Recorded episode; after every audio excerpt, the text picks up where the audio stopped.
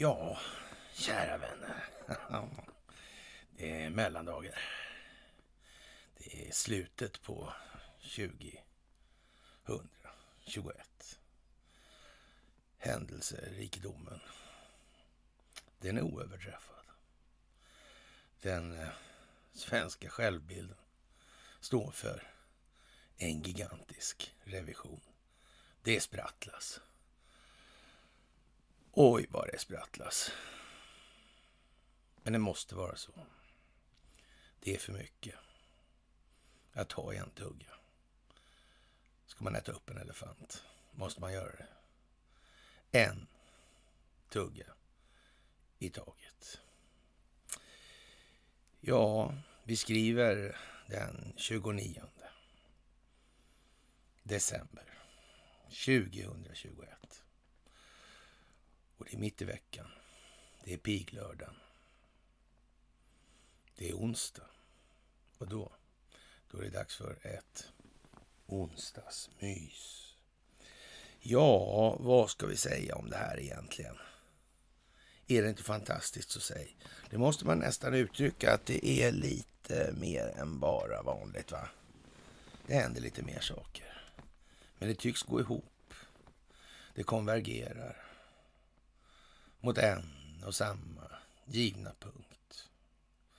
Det sprattlas i diverse olika led för att förklara och rättfärdiga sina egna handlingar. Det är allt ifrån ja, korspriselasticiteter till elasticiteter när det gäller det valutafinansiella systemet. Det är hastigheten på pengar och hej och hå. Saker som naturligtvis Keynes hade klart för sig där han grundlade de här teorierna för de var rätt och riktiga. Det är inte alls någon jävla konstruktion för att försöka dölja det här systemets inneboende natur och karaktär och mekaniska sakförhållanden eller förhållanden i sak. Det är det inte alls. Nej, det är det inte. Att de bara pallar. Ja, ja, men vi får väl se då. då. Trist historia det här med att det tar sig i andra ändan på linjalen också. Det tar sig i USA. Ja, det gör ju det. Ja. Ni ska ha det största av tack. Det allra, allra största av tack. Fantastiskt. Helt fantastiskt. Och ni ser ju själva. Det blir helt fantastiskt när vi gör det här tillsammans. Det är bara så. Jag får så mycket mess om olika saker som händer i människors liv och det är fantastiskt att se. Det är inte bara i, ja, i Norrland som det händer saker i den meningen. Det händer saker i Stockholm också. Stora byggarbetsplatser. Folk har börjat reagera, folk undrar, folk tycker det är konstigt. Vad är det här för någonting? Egentligen. Ens. Ja, vad är det här för något? Som sagt, ni ska ha stort tack för gåvor och bidrag på Swish och Patreon. Tack för att ni fördjupar er på karlnorberg.se och naturligtvis ett stort tack för att ni hänger på Telegramtjänsten. Och eh, vi börjar väl som vi plägar sluta och delar ett minne för ett år sedan. Och eh, ja, den senaste tidens svårigheter beror på ett fåtal svenskar som på ett brutalt vis lägger sig i Kinas, Kinas inre angelägenheter. Det känner ni ju till och det är ju dessutom samma svenskar som ägnar sig åt valinterferenser i det amerikanska presidentvalet genom inte minst sina kinesiska proxys och alla andra olika verksamheter som USA anklagar Kina för att bedriva. Det finns ett företag som kallas Ericsson, sa Donald Trump inför valet 2016. Man har vetat om det här, helt säkert. Och ja, varför sa Donald Trump sådana här saker som är vaxet till exempel? Man får, som vi har sagt, alltså vi lägger inga virologiska aspekter på det, utan vi håller oss till det lite övergripande. Vi konstaterar att det är ju till för att dölja det här med det valutafinansiella systemhaveriet. Det är konstigt. Mm. Det är, inget, det är ingen överskuldsättningssituation där det är inte så att bankerna gör historiskt höga vinster till historiskt låga räntenivåer. Nej, kredittiderna är kortare än någonsin. Ja, och kreditvärdigheten är högre än någonsin också naturligtvis. Ja. Och de här tillgångarna i bankernas balanser, de består inte alls av enskilt kontrollerade räntebelastade skulder. Det gör de inte. Nej. Det är ju så naturligtvis då. Eller också är det ju inte så. I det, okay, I det fall det består av statsobligationer så är det faktiskt statsobligationer, men det är lika förbannat skattebasen ska finansiera de här räntekostnaderna. Så är det också. Så det finns liksom inte jättemycket att snacka om. Men tro mig, jag ska glatt ta de diskussionerna med den det berör. Om det bjuds tillfälle till det. Tro inget annat. Och bli inte förblindade av ännu mer jävla bankprosa alltså. Det är så billigt så det liknar ingenting. Det är inte utan anledning att Åsa-Nisse säger att han är schaman, estradör i förtroendebranschen. Det handlar om vad det handlar. Det handlar om att ingjuta förtroende i människor. Det handlar om att skapa en optik. Där också. Men nu är det slut på det. De kan inte dölja det här. De kan inte maskera haveriet med hjälp av covid. Covid är slut. Omikron. Hög smittsamhet. Låg farlighet. Fantastiskt. Skapar immunitet. Kommer som en skänk från ovan. Kan det vara en tanke? Kan det vara planerat? Kanske man redan tidigt sa att det fanns andra mediciner som kunde fungera. Men det bet inte. Nej. Hur fick man göra då? Man fick väl välja. Den större skadan hade det blivit om så att säga, ekonomin hade börjat spåra ännu mer. Det gäller ju att få en ordnad övergång. Det gäller att bibehålla sina perspektiv som, så att de utgör en rimlig grund för de beslut man fattar och vad man tänker i det vidare i det här. Det går inte bara att stirra sig blind på den virologiska aspekten och sen dra en massa ja, förhastade slutsatser helt enkelt. Och ja, det är ju vad det är det där och frågan är om det går att klassa som ett biologiskt vapen. Och det kanske det gör i och för sig. Men å andra sidan så, vem ska säga att de litade på det ena eller andra, visste det ena eller andra. Hur går det till egentligen? Ja, ni förstår att det är en del med det här och det handlar om den här optiken. Det kommer att visa sig att det här är en ren optikmodell alltså. Det är till för att skapa förståelse, för att människor ska förstå. Det måste ta den tid det tar, det går inte annars. De har planerat det här jättelänge. Och som sagt, som vi har sagt tidigare, det här är långt tillbaka i tiden. Det är på 1990-talet är vi nu med de här planeringarna. Mm. Så det är som det är. Och eh, ja, djupt förtroendeingivande när man måste ta till de gamla vanliga rättsliga grundknepet gällande då prins Andrew. Och han hävdar då naturligtvis att det här saknar, det här åtalet från Guthrie där, saknar rättslig grund i och med att hon inte egentligen var någon amerikansk medborgare och så vidare och så vidare och så vidare. Men eh, jag ska tro inte man ska man dra så mycket slutsatser på det där eller av det där. Kanske är det här mer en fråga om det här med Maxwell kanske och vad som kan komma upp i den ändan? Ja. Kan det här vara ett försök till avledning? Det är nu, inte, nu, nu, är det inte så att vi tror att det här är egentligen någonting annat än en stacklad teater, för det är planeringen ligger så långt bak i tiden så det kan liksom inte vara så mycket annat. Det här är ju långt, långt, långt tillbaka. Och med klänning och Epstein och de här grejerna. Ja. Samtida i princip. Alltså vad är det här för någonting? Hände någonting där egentligen? Var det där framtvingat på något vis? Hur var det? Ja, man får tänka efter lite här. Jaha, Prins Andrew, han kommer så att säga gå den vägen som kungahusen ska gå. Vi noterar också att den svenska kungen har hållit något litet eh, tal här i jultiderna. Och, ja, en analytiker på temat. Från Svensk Damtidning eller vad han var. Hon eller den eller hen eller sådär. Ja, det är något stort i görningen. Det kommer något. Det kan stämma, det kan stämma faktiskt. Det kan det göra. Mm. Så är det. Det kan vara saker i görningen. Mm, alldeles säkert. Jaha, och andra saker som är i gärningen är väl till exempel att det kommer som en möjligen lite försenad, men naturligtvis mycket, mycket glädjande julklapp för Nancy Pelosi när man då från FBI's sida blir så att säga, påkomna med att ha plockat in folk i de här demonstrationerna.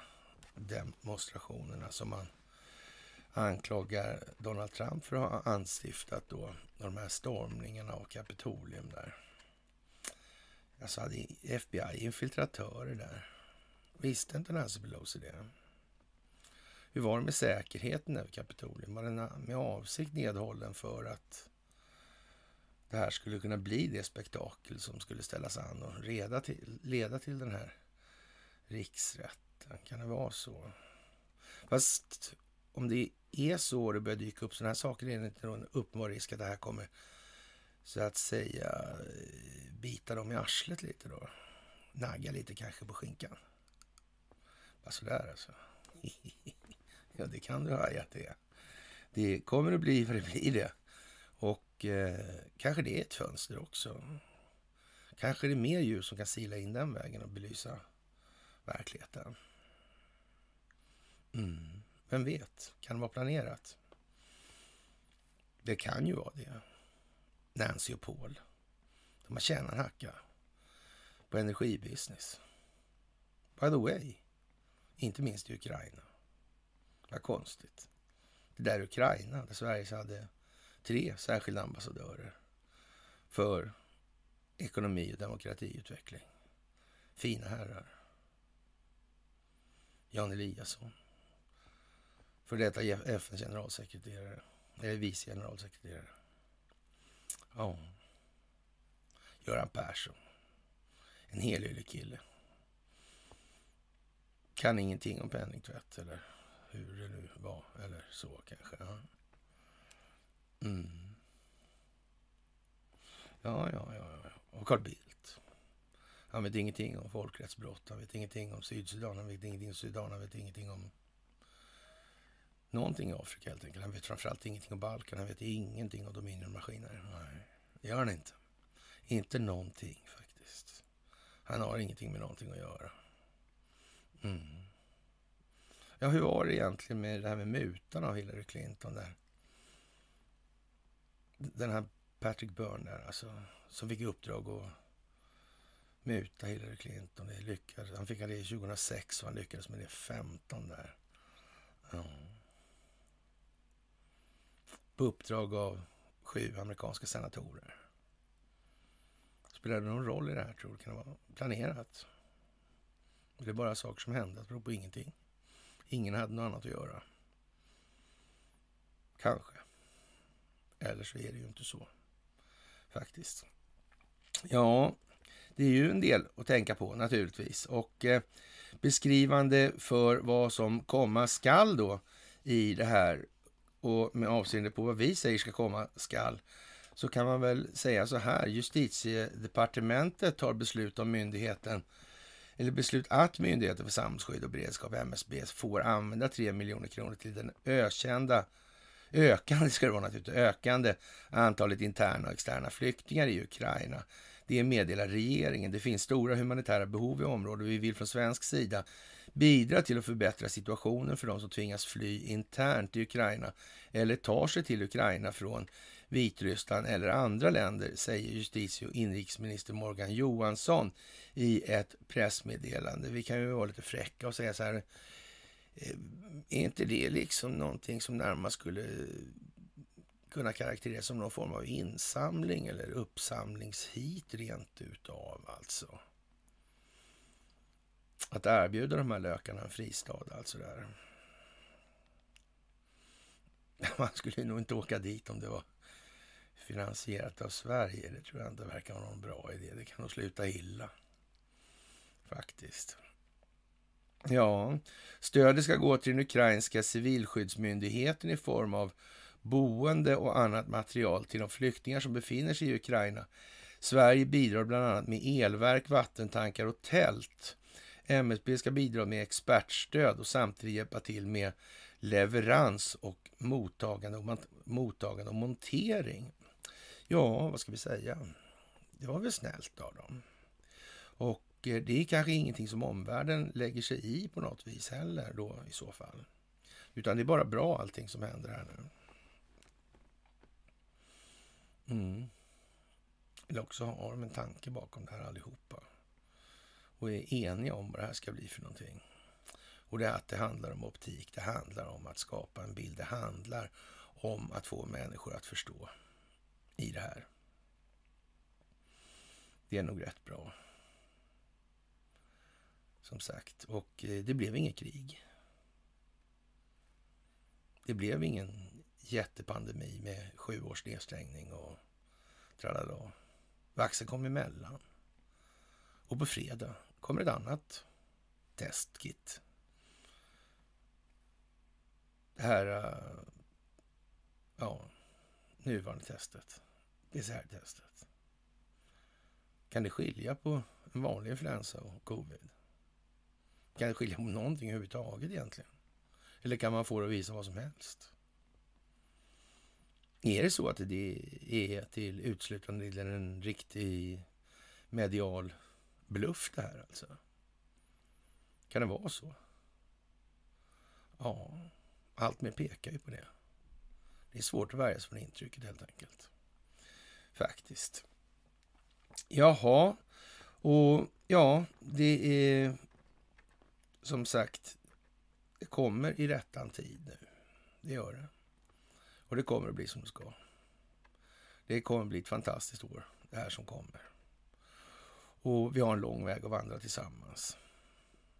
Vi har rätt mycket människor i det här landet som eh, har framlevt sina liv genom att främst se till sin egen nytta.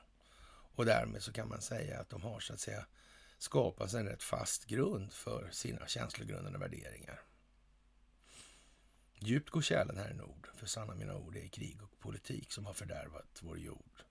Evert Taube. Mm. Det var något med den där äh, pelarorden här för mig. Jaha, och ironiernas ironi, ironi alltså. Årets bank, SEB. De är så glada alltså. De äh, ja, söker ju som alla då bekräftelse på vad vi gör bra, men också vad som inte är bra. Båda är viktiga för att vi ska bli bättre, säger SEBs vd Johan Torgeby till privata affärer. Och eh, Nordea tar hem priset som årets digitala coach. Och eh, ja, tror det eller ej alltså. Swedbank får utmärkelsen Årets folkbildare. Mm. Det kan man ju säga faktiskt. Det på något vis äger sin riktighet i samband med de här penningtvätthärvorna och så vidare. Så, så är det ju alltså. Samtidigt som det belyser då hur i helvete ruttet och korrumperat det här Stockholmsbyråkratiska systemet är och framför allt vilka bristande funktioner det finns för befolkningen och samhället rent mekaniskt i det här valutafinansiella systemet. Det här är ju inte exakt skitsvårt om vi uttrycker oss lite hovsamt. Det är rätt förbannat jävla enkelt alltså. Det är inte mer än så. Och återigen, det är så många som vill prata om annat. Det här är inte så viktigt. Men om vi inte ens kan enas om den sakliga grunden, vad utgör problemet egentligen? Styr ekonomi på något vis politiken? Då kanske vi inte ska hålla på och tramsa om politiken om vi ska rösta hit eller dit om det är någon annan part som inte är så att säga inom det politiska systemet som styr ekonomin. Verkar inte det lite hål i huvudet? Verkar inte det lite osmart? Men för att kunna föra den diskussionen så krävs det ju ändå att man har viss rudimentär kunskap angående hur det här valutafinansiella systemet är uppbyggt och fungerar och vilka effekter det för med sig på sikt. Det går alltså inte att ha hur stor icke-produktiv belastning som helst på en ekonomi. Det finns bara inte. Och klarar man inte av att se det på något annat sätt så kan man säga så här att hur stor finansiell belastning kan man ha på en ändlig planet? Utan att förtroendet för intermediären av värde då, eller betalningsmedlet, det som möjliggör arbetsdelning, faller helt, bara försvinner. Det kan man tänka på i det här. Och sen får man göra lite skillnad på det här med vad är då ett betalningsmedel för någonting egentligen? Och se vad har det varit historiskt?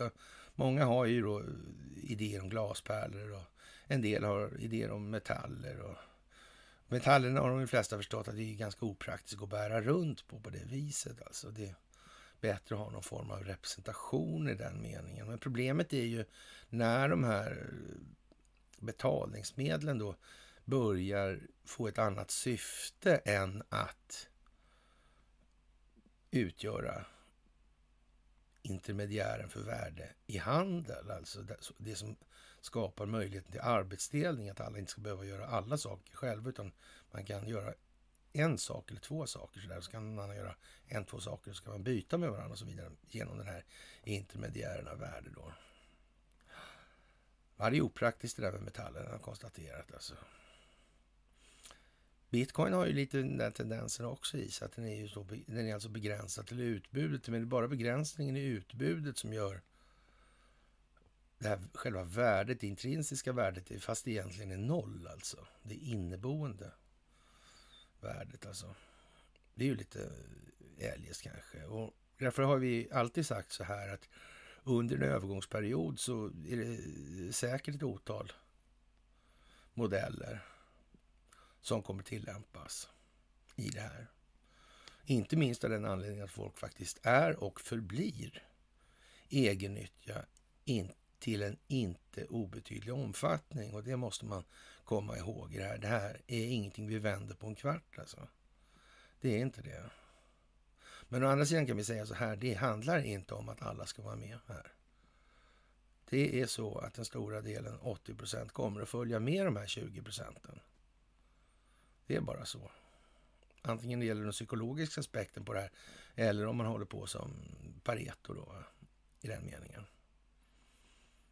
Det är hur man än vrider och vänder på det här så är det som det är. Och det kommer ingen undan. Och som sagt, vi måste nästan betrakta det som årets eh, ironi då när SEB i det här läget får det här priset och eh, ja, de har inte fått det någon gång tidigare. Eller om de fick det nog för 31 år sedan. Jag kommer inte ihåg hur det var där riktigt. Men det spelar kanske ingen roll alltså. Det hör ju inte till vanligheterna då tydligen. Och av det kan man väl sluta till, sig till så här att det kanske skulle se dumt ut om de fick det. Och därför får de det nu. För nu ser det jävligt dumt ut. Det är ingen som missar vem som har kontrollen på telekominfrastrukturen och kraftförsörjningen och det här. Och vem som har liksom kunnat sitta i orubbat bo i flera hundra år i den situationen och styra politiker, mutas, korrumpera genom infiltration och så vidare. Inte bara i vårt land. I massor med andra länder på planeten. Så är det så. Verkligen så är det. Ja, kan du gissa vilken, skriver dagens PS. Och ja, det kan vi ju faktiskt om vi tänker oss lite ur det perspektivet. Det är dags nu. Det är dags nu. Swedbank. Årets folkbildare. Ja. Årets bank. Ja, den kommer betyda mest. Fast inte i den meningen som de flesta uppfattar den som. Nej, så kommer det inte att bli. Jaha, 20-talets eller 2000-talets tvättmaskin vore kanske ett bra pris, tyckte någon där. Och det kan man väl säga. Och eh, om vi går ner till Mellanöstern till exempel då. en plats där det finns telefoner av kända märken helt enkelt. Eller känt märke ska jag väl snarare säga. Även om kanske sitter andra prislappar och märken på dem. För syns skull. det är ju det här med bulvanverksamhet. Att verka utan att synas. Att ha kontroll istället för ägande. Det är rätt så bra att komma ihåg hela tiden. Och eh, ja, det har varit ett möte mellan Abbas då och eh, Benny Gantz då i Israel och eh, mötet behandlar betydelsen av att skapa en politisk horisont som leder till en politisk lösning i enlighet med internationella resolutioner. Fantastiskt. Vem vet? Det kanske blir en enstatslösning. Mm. Utan teokratisk grund. Mm. Under internationellt överinseende. Mm. Det är lite bra att tänka på. Israel, by the way, har inte de, sorterar inte de i någon form av kategori förresten i, i banksammanhang? Är det inte så?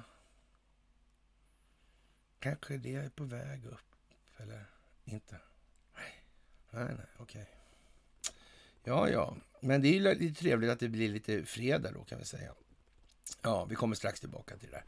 Ojsan Skojsan är ju naturligtvis en riktigt bra lirare i de här lägena. Hans vakna blick är ju naturligtvis ett underverk av spirituell kraft och charmerande moral helt enkelt. Och eh, Ojsan Skojsan är naturligtvis på hugget sådana här dagar och sa i rubriken på sin lilla då kolumn då, eh, ja, rubriken Stockholmare är dummast i Sverige. Och det handlar om den här tredje dosen och så vidare. Och det kontentan i det här sammanhanget, det sammanfattas enklast i den avslutande meningen i den här kolumnen som lyder så här då. Den enda tänkbara förklaringen till att vi stockholmare inte har röstat bort klåparna som styr regionen är att vi är dummast i Sverige. Och det kan man väl möjligen kanske tycka. Och, men man får nog lägga till den här aspekten. Man kan väl inte vara så jävla dum som man tror att det hjälper att rösta i det här systemet ändå. I Stockholmsbyråkratins vagga. Skulle inte de ha sett till att det var någonting som var helt onödigt helt enkelt. Alltså. Det, är bara att acceptera det. Och som sagt, det här med att bedöma saker ur ett vidare perspektiv. De, det, det, är lite beklagligt att se nu som det hålls på i, i alternativrörelsen hit eller dit. Det är lite, ja, lite patetiskt helt enkelt, får man nog tycka. Det är väl bara att acceptera det, att man inte har någon bra problemformulering i grunden. Och, och så får man väl köra för det då. Då får man väl rätta in sig i ledet, så att säga. Det, det är väl inte så mycket mer att... Alltså, Antingen kan vi enas om en problemformulering eh, värd namnet eller också kan vi aldrig enas om någonting i de här sammanhangen. Det är ju bara det. Det finns liksom inget annat. Och tro att de här sista 80 procenten ska dra någonting hit eller dit. Det kommer liksom inte att hända. Med tiden kommer de också att förstå mycket bättre, men det handlar om de här människorna som nu gör ett storartat jobb på byggarbetsplatser och så vidare i Stockholm eller på sågverk i Norrland och så vidare. Och har fått gehör då efter många års träget tjat alltså. Malande och nu kommer verkligheten rullande in i stora vågor. Och de här människorna kan se bilder, göra referenser, förstå att så här är det ju. Det här är verkligheten och det här beror på en massa saker orsakssamband som vi har belyst hela tiden. Det här med att försöka slöjda det här gamla, havererade, som är dåliga för, dåligt för alla. Nej, det är värdelöst alltså. Och det gäller att se upp nu alltså. Det är många som förlorar mycket på det här i sin värld. Och det ska man komma ihåg. Faktiskt. Ja, jaha, och när stockholmarna är dummast i världen så kan vi ju då så att säga tänka till lite här ytterligare i de här sammanhangen. Och då kommer vi tillbaka till Israel och eh, det finns en australier som har reseförbud i 8000 år. Ah, jävla konstigt reseförbud. Vad är det där för någonting? Vad, vad drar man till så där för? Varför gör man så i Aftonbladet egentligen? Och sen beskriver den här lilla notisen då att eh, Noam Happert, 44, är skyldig sin israeliska exfru motsvarande 21 miljoner kronor i uteblivet underhåll för deras gemensamma barn, skriver The Guardian. Om man inte betalar väntar ett reseförbud från Israel fram till den 31 december 9999. Antalet eh, är det högsta som gick att välja i den israeliska domstolens datasystem. Jag har varit fast i Israel sedan 2013, straffad av det israeliska rättssystemet, bara för att ha varit gift med en israelisk kvinna, säger Huppert som australisk medborgare till News.com, Australia och AU. USA varnar sina medborgare som reser till Israel för att landets civila och religiösa domstolar använder sina befogenheter till att stoppa människor från att lämna landet innan skulder är betalda. Det verkar allvarligt det där med skulder i Israel på något vis. 8000 år då. Men då är det kanske ingen idé att hålla på den betalningen för hans del om man skulle kunna betala de där 21 miljonerna eller vad det var. Och om man inte kan betala de där 21 miljonerna så är han fast där för alltid. Är det rimligt det där? Är det vanligt på jorden att det är så där? Finns det många länder som har sån evig skuldsättning? För man får nästan säga 8000 år är hyfsat lång tid alltså. Det kan vi betrakta alltså, i människosammanhang som närmast evigt om det gäller en individ i alla fall. Mm. Är det någonting som är rimligt i ett system som bygger på ett valutafinansiellt system med enskilt kontrollerad räntebelastad skuld som betalningsmedel? Måste det inte per automatik bli lite grann så här då? Är det liksom en... Eh, ja, biblisk nästan, skulle man kunna säga. En motsägelse, alltså, självmotsägelse. Är det inte det? Hur kan det här ens vara möjligt? Och jag kan garantera att det går inte att, att snacka sig ur med någon hastighet på pengar eh, eller korspriselasticitet och sådana här grejer. Det går inte. Mm. Inte kapitaltäckningskvoter heller. Det är fortfarande kapitalet bestående av enskilt kontrollerade räntebelastade skulder. Så jag är inte riktigt säker på att det är vägen med mer av problemet som lösning heller. Nej. Och, och liksom, ja. Men Israel just där alltså. Är det något annat land som har haft den här typen av, ja, ska vi säga socialpsykologiskt implementerad disposition? Alltså, är det något annat land kanske? Hur är det med Sverige? Vi hade gäldstugor fram till 1800-talet. För de som inte betalar. Mm.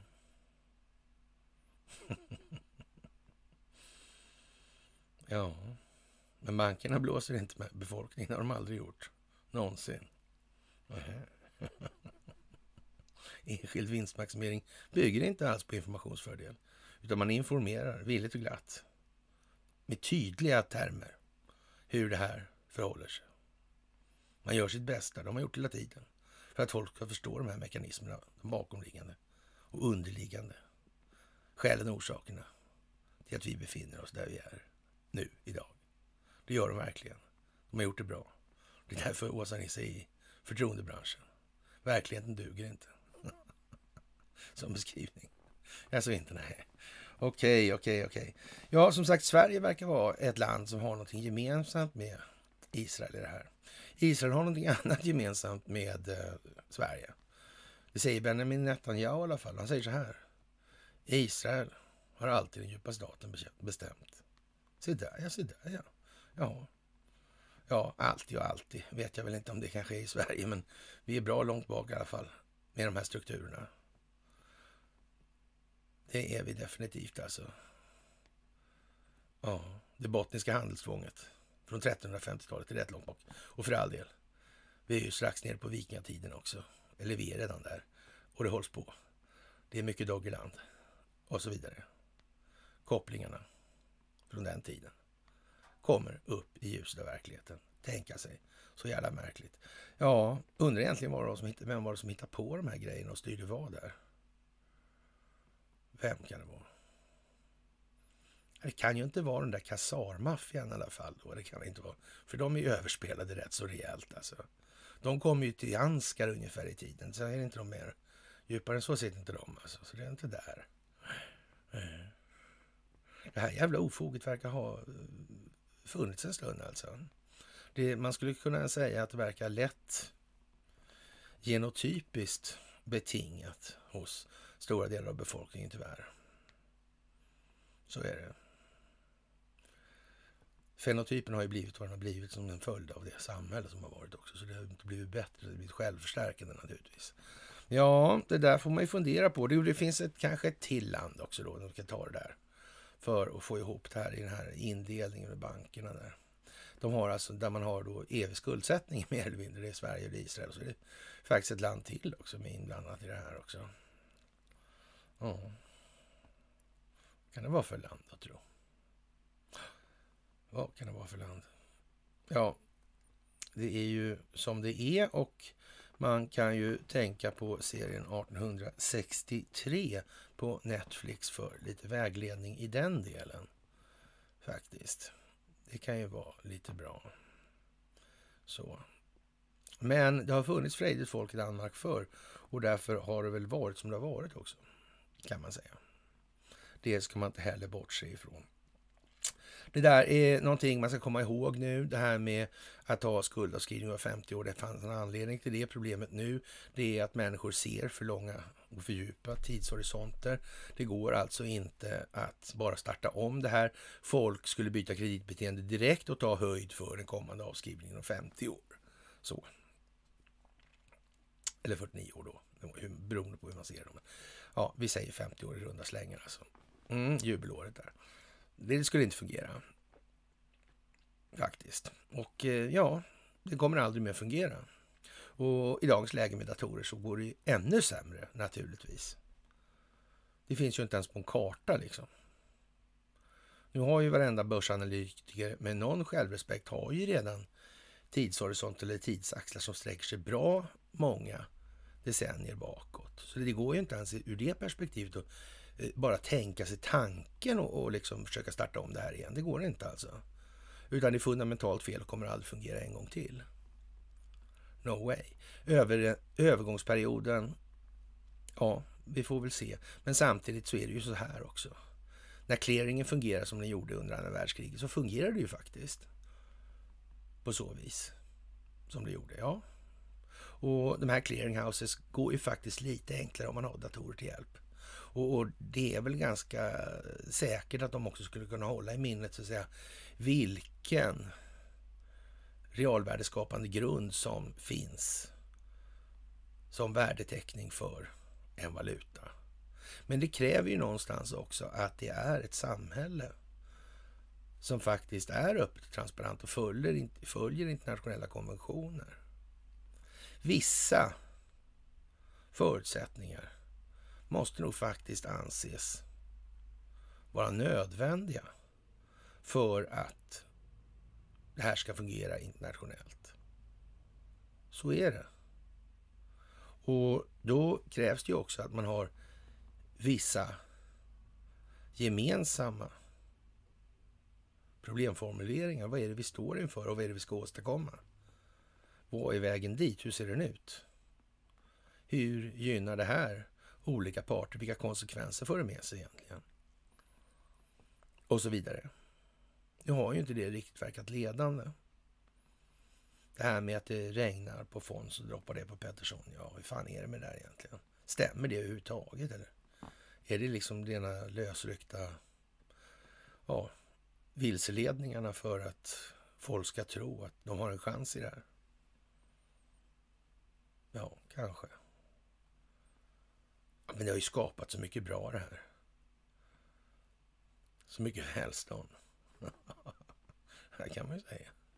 Men eh, allt välstånd som skapades fördelas inte på ett sätt som gynnar alla.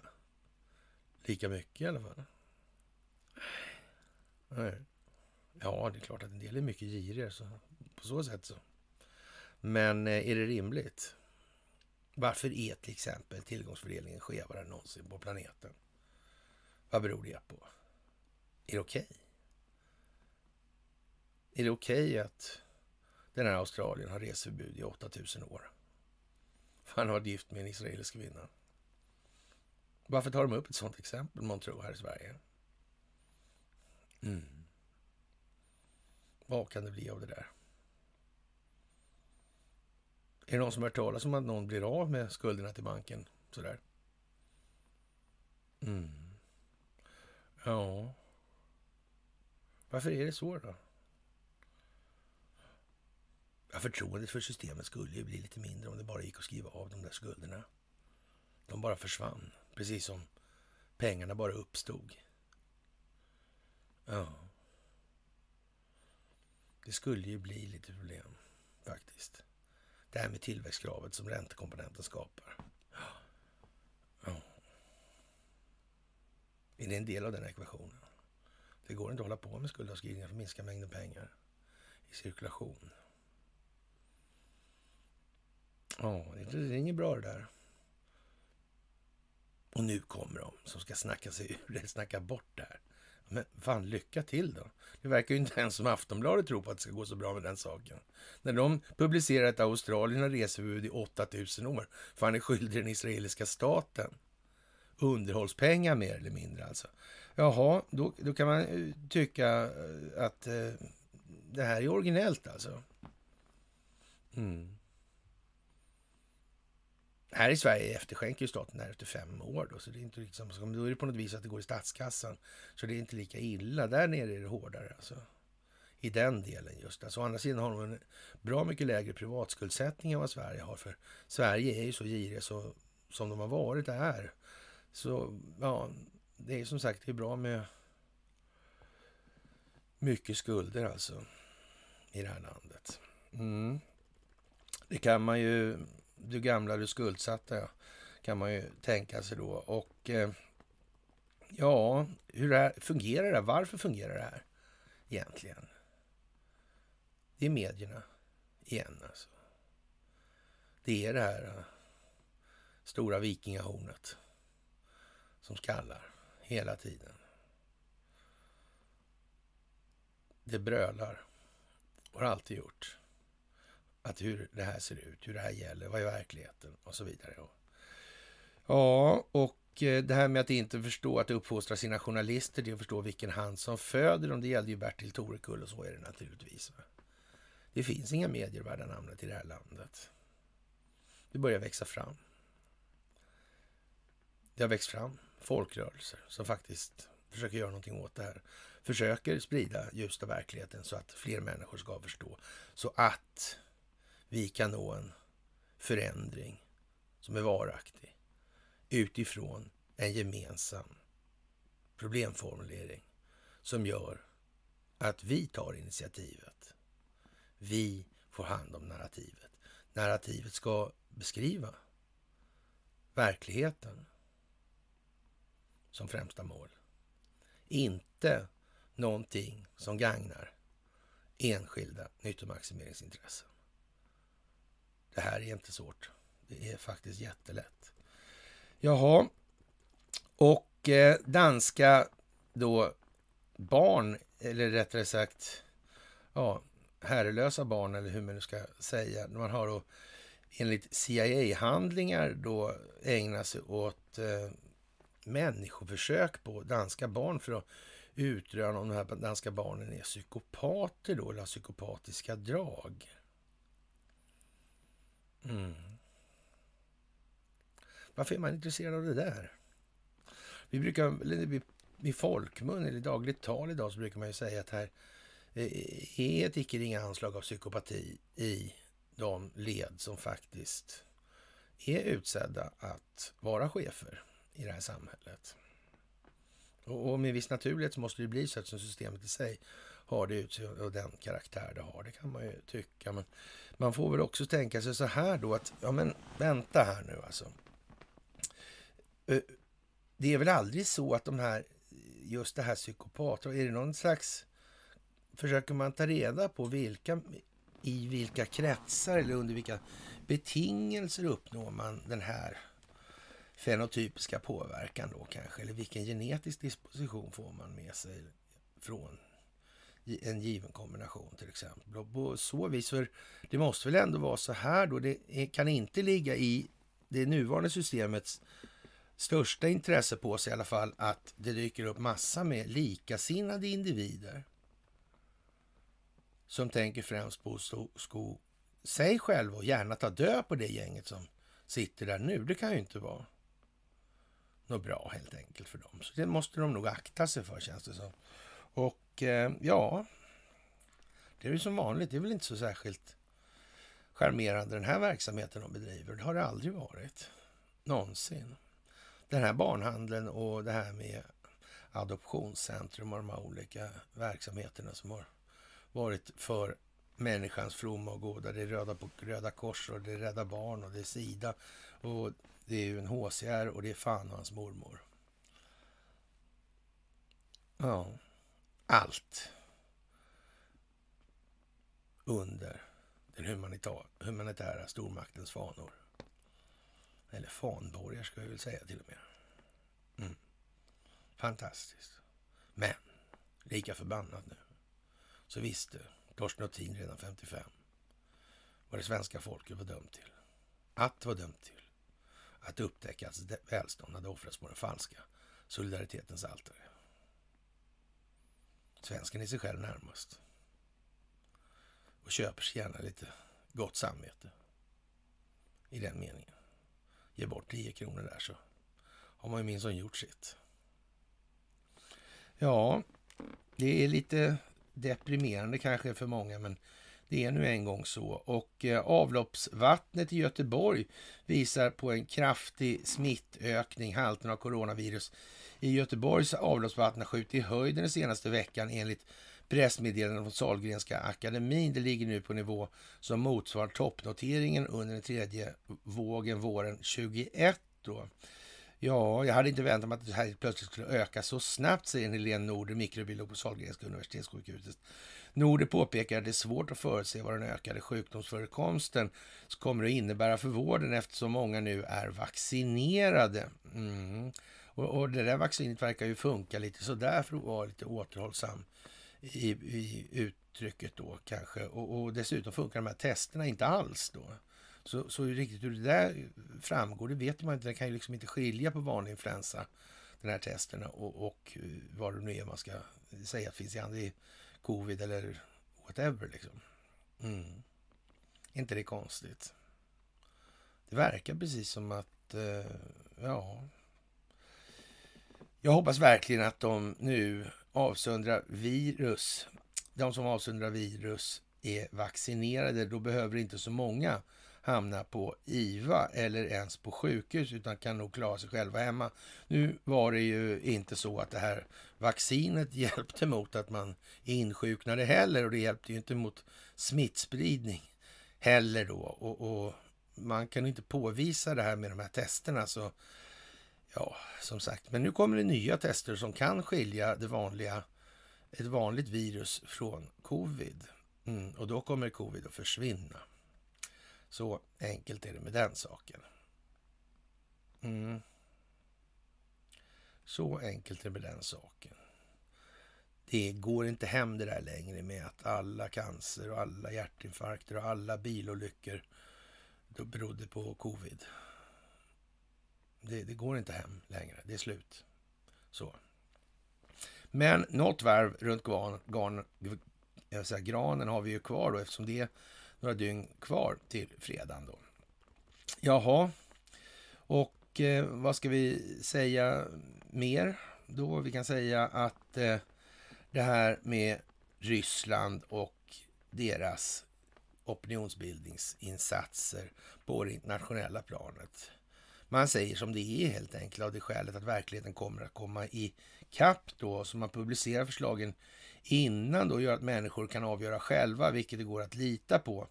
Inte en dålig sak alls när optiken blir vad den ska vid mållinjen då. Och eh, ja, vi gör våra initiativ publika som vi har förklarat, eller som president Putin har förklarat och utrikesministern då, därför att de är medvetna om ja, västs möjligheter att fuska med det här och med alla obekväma frågor för dem då, förklarade Lavrov igår då till exempel. Och det är lite som det är kanske. Och det kan ju lite tjurigt kanske vara norrman och NATO-chef i det här läget. Det ser ut som det blir lite norsk hydrovarning på den delen. Vad det lider här nu. Och det är ju kanske lite speciellt. Faktiskt. Det kokar igen och ner och det blir en, så att säga, ett destillat av det här någonstans. Så är det. Ja, vi får väl se. Men jag säger att Skandinavien är vad det är i alla fall och det kommer vi nog inte undan. Jaha, och eh, Boris Johnson pressades att korta isoleringen för att rädda liv då. Det verkar precis som att då räddar man mera liv och det är väl kanske det som Donald Trump resonerar i termer av också då, då som vi sa nyss. Så att det kanske blir mera självmord, det kanske blir mer psykosocialt lidande, det blir mycket högre effekter av att inte propagera för det här vaxet och vaxet kanske inte är så himla farligt. Och är det det så får man svara för det naturligtvis i den meningen. Men det fanns nog inget val då. Läkemedelsindustrin fick naturligtvis ett val att man skulle säga som det var med allting, med alla sina vaccin och såna här grejer. Och, och det kan man väl ha en viss förståelse för, det var inte att tänka på. Det har ju kört lite, körts lite experimentverkstad här och var som det ser ut. Så det var väl egentligen aldrig något val. Egentligen. Men nu valde man att tjäna pengar i alla fall. Precis som man alltid har gjort. Det var själva prylen med allt det här.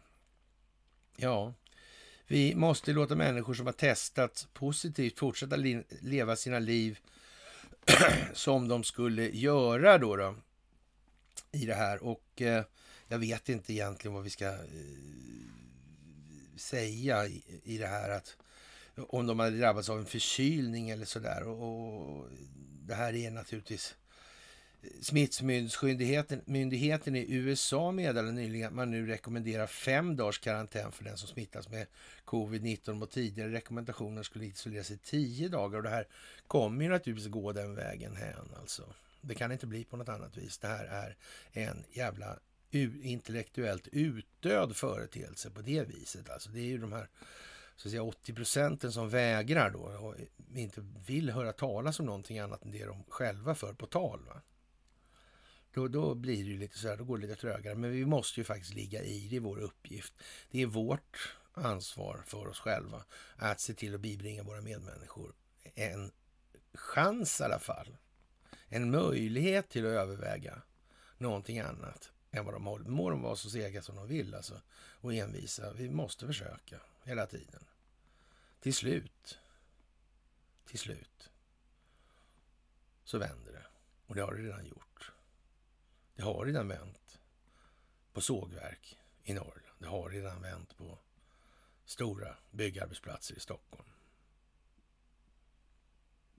Det är den vägen det här kommer gå. Det kommer växa nerifrån. Det kommer inte nödvändigtvis bli i form av de människor som man kan förvänta sig. Det kommer sannolikt inte att bli just dem. Av det skälet att de är så formaterade som de är av det här samhället och den här strukturen och sin egen roll i saken. Så är det också. Jaha, och eh, ja, vad ska vi säga? Polisräd mot nyhetssajt i Hongkong. Sex gripna. Och i det här konstaterar man då att det finns då utländska medier i de här sammanhangen. Och nu vet ju vi att svenska medier skulle aldrig hålla på med något sånt här. Och, och framförallt så skulle ju svenska kontrollerande intressen säga att de var det. De skulle aldrig någonsin mörka det här bakom en hel skur med olika bolag med preferensaktier och optioner i form av i köp och säljled och så vidare och så vidare och så vidare. Aldrig. Skulle inte kunna tänkas, inte i Sverige. Inte i Sverige. Eller kanske just i Sverige. Kanske just i Hongkong. Kanske just ett fåtal svenskar. Ja, det får man ju faktiskt fatta snart helt enkelt. Jaha, är det så jättesvårt? Kanske många tycker. Ja, vad ska vi säga? I de här sammanhangen så, ja, redan på 2008 där så var vi på om det här och det har ju tagit en stund skulle man kunna säga Sedan dess. Och ja, då var vi tvungna att ge oss ut i de här vidlyftigheterna som vi håller på med idag då. Det här med finansieringssidan och vad det här innebär för någonting och så vidare. Och vilket jävla schackrande och gycklamarknad det där är egentligen och helt substanslös faktiskt ur ett realvärde ekonomiskt perspektiv.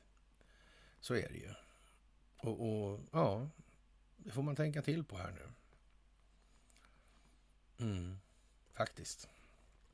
Det kanske är mer värt att göra det ena än det andra, kort sagt, när det kommer till kritan. Jaha, och som sagt, det handlar om monetärmekanik och geopolitik. Och eh, det är vad det är, oavsett formen på vår jord, religioner och annat för sammanhanget ovidkommande. Det spelar alltså ingen roll om det är rymdödlor, det spelar ingen roll om det är råttskildare, det spelar ingen roll om det är frimicklare eller om det är platt jord eller vad det är för någonting. De här sakerna gäller i alla fall. Så, det moderna kriget består av de beståndsdelar det gör och de går att spjälka upp ytterligare. Det går att sätta de här händelseförloppen de här perspektiven parallellt med varandra. Det går att korstabulera, det går att mäta. Det går att se vilka synergieffekter som har uppstått. Det går att leda bakåt, extrapolera och konstatera vad som möjligt kan ha varit syftet i det här hela tiden. Och så vidare och så vidare. Det går att bygga ett nätverk. Det går att bygga ett mönster. Det går att se strukturen. Det går att se de här intressena. Det behövs inga oförklarliga förklaringar till det här för att se var vi är och varför. Det är bara så. Det vi måste göra är som vi alltid säger. Vi måste betrakta våra egna känslogrundande värderingar ur ett så kritiskt hållet perspektiv vi bara kan. Det är vår uppgift som människor. Det är vår väg i livet är samhällets väg framåt. Ja, ja, med all respekt för oliktänkande, om så jorden är platt, oval eller fyrkantig då alltså, så om så Jesus kommer gående på isen. Skuldmättnad och stagflation, det är vad det är, punkt. Ja, det är ju så det är faktiskt. Det måste man ju säga. Och eh, det hjälper oss att kraftsamla i det viktiga arbete vi gör för att få tillbaka och återföra pengar som pensionärer och pensionssparare har förlorat säger en herre här och eh, ja, det handlar om att aldradomen står fast då.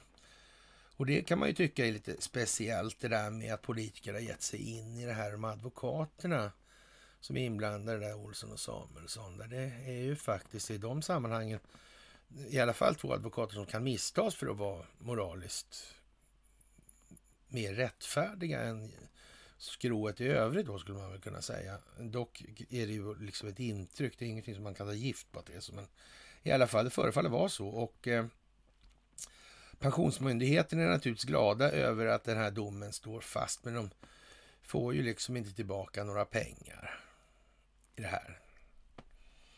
Och eh, ja, det, är, det blir ju naturligtvis flera processer i det här för att försöka vinna tillbaka det här i den mån det nu är möjligt. Men eh, ja, men är det inte så liksom när de ska kraftsamla för att göra, inte liksom det, var inte det, ingick inte det i arbetsbeskrivningen redan innan det här hände? Eller hur fan var det där? Det är ju lite märkligt det där får man säga.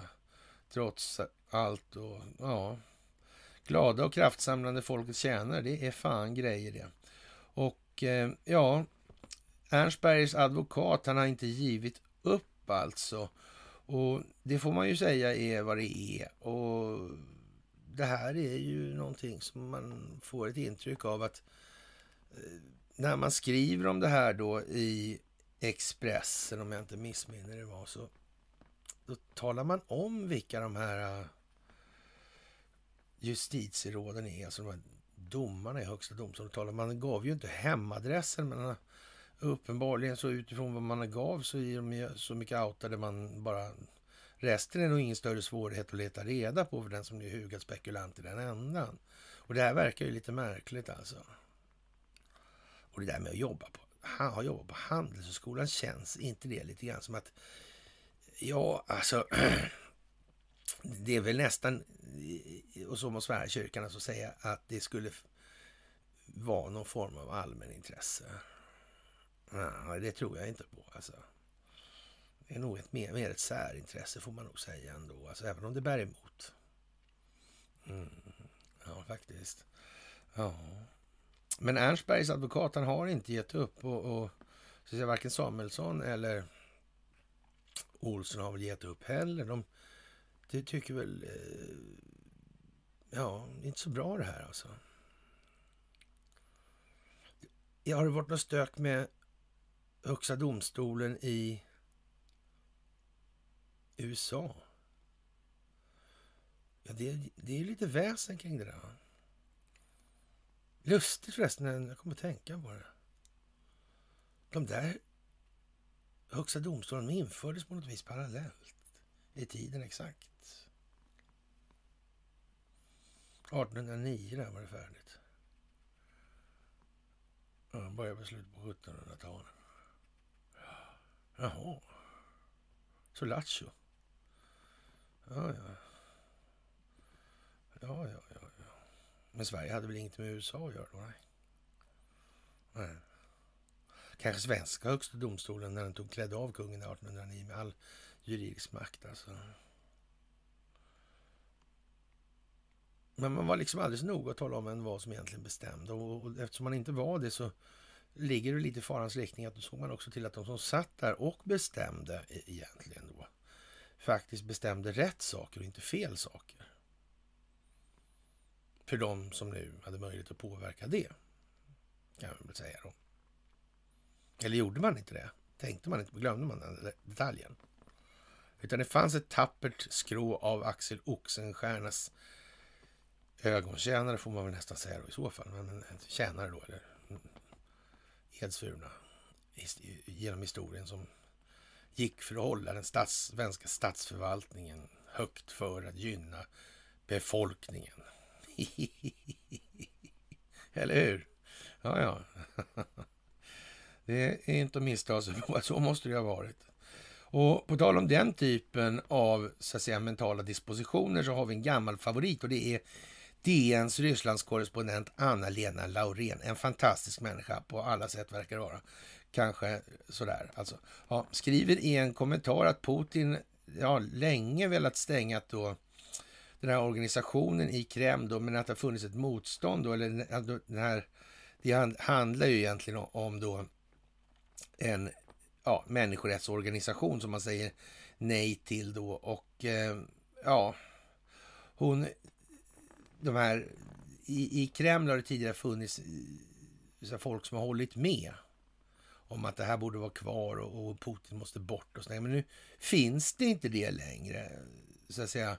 Putin är omgiven av ja-sägare vars enda eh, beslutsgrund är det sovjetiska instinkter, skriver hon. Och tillägger att det är därför det fria, det är därför fria oberoende medier förklaras utländska agenter. Och eh, ja, vad ska hon säga då? Han har alltså bara ja-sägare med runt sig nu. Alltså han fick med sig Kreml då och därför så sparkar man ut en, ytterligare en sån här människorättsorganisation som är finansierad från Sverige. Och ja, jag vet inte exakt alltså. Antalet insatser mot Ryssland i förhållande till vad Sverige har bedrivit för verksamhet mot Ryssland eller Sovjetunionen under, ja, låt säga 200 år eller sådär bakåt. Ja. Känns lite som det är som det är helt enkelt. Vem har, har haft vilka ambitioner och varför i det här? Det går nästan inte att missta sig på faktiskt om man bara ägnar en liten smula tanke åt den saken faktiskt. Jaha, och eh, Stockholmsbyråkratin den smittar då och eh, ja, fast den redan finns i USA och nu är man i USA fast förvissad om att det är mycket hög risk med att åka till Sverige då ur ett covid-perspektiv. Och ja, vad ska man säga? Det verkar som att det går igen i tidens grums och mögel stiger fram en skrämmande fantom. Ja, och även Grekland hade sina vandrarhöger. Fostrade i Sparta och i Rom, ja. Ja, det är väl vad det är i den meningen då. En belgisk domstol har avbrutit stängningen av teatrar och andra kulturella mötesplatser, rapporterar AFP. Beslutet kommer efter att den belgiska regeringen valt att skärpa coronarestriktionerna i landet för att hindra spridningen av omikronvarianten. Och vad ska vi säga? De här rättssystemen är inte som det svenska. USA har sin konstitution under det här. Och det gör ju en väsentlig skillnad mot vad vi har i botten på vår författning eller våran så kallade grundlagssamling eller våra grundlagar då i det här. Det handlar om det svenska rättssystemet. Det ska vi inte glömma bort i det här. Samtidigt så är det, går inte att riva allting på en gång bara. Det går inte. Det måste hållas. Precis som det här med valutafinansiella systemet. Det måste bli en övergångsperiod i den meningen. Så det kommer, vi kommer aldrig undan det. Det finns inte en möjlighet. Så det måste ske stegvis. Det måste ske genom folkbildning. Det går inte annars. Folk måste förstå tillräckligt mycket för att inse vikten av att de åtgärder som faktiskt genomförs genomförs med befolkningens och landets bästa som syfte, vad det lider. Så är det också. Ja, vi har eh, det här med Thule. I, på Grönland har vi lite Thule, Ultima Thule och eh, ja, det här med de här amerikanska militärerna där och Thulesällskapet, Thulebasen. Thulehuset, försäkringsbolaget Thule, Thule, Thulesällskapet Adolf Hitler och så vidare. Det kopplar till Anna Närbe. Det kopplar till Sven Hedin. Det kopplar till Heinrich Himmler. Det kopplas till en massa saker. Det kopplas till mutor. Det kopplas till eh, banker det kopplas till de som finansierade Hitler. Det kopplas till Bank of England. Det kopplas till Hjalmar Schacht alltså också. Och det kopplas framför allt till familjen Wallenberg. Så är det också. Bröderna Dall är mycket framträdande i det här. Kolla gärna på den föreläsningen när det handlar om det moderna underrättelsetjänstkollektivet och den djupa statens framväxt. Det är viktigt nu. Jag ska säga det att det går fantastiskt bra med alla de här föreläsningarna och den frekvens på visningar. Fantastiskt, helt otroligt. Och som sagt, det är en stor succé med Connys, den här podden då i Karlstad. Det är en lagom nivå, är det många som skriver alltså. Det är så det måste tas med de här. Det där har gjort succé på lite olika platser då, där man kanske inte förväntar sig att det skulle fästa. Men ja, det, de är inte lika hårt formaterade heller så det fäster lättare. Sådär. Det är klockrent. Det är klockrent. Fantastiskt bra jobbat av er som ligger på ute på fältet i den meningen. Bra, helt enkelt. Jaha, och eh, ja, vi får väl eh, anse att eh, det här med covid är någonting som vi aldrig behöver pr prata om snart alltså. Och, och det, det, är väl liksom, ja, vad skönt då, så slipper vi väl det då. då. Och eh, ja, USA de höjer alltså varningsnivån för resor till Sverige då i samband med det här då. då.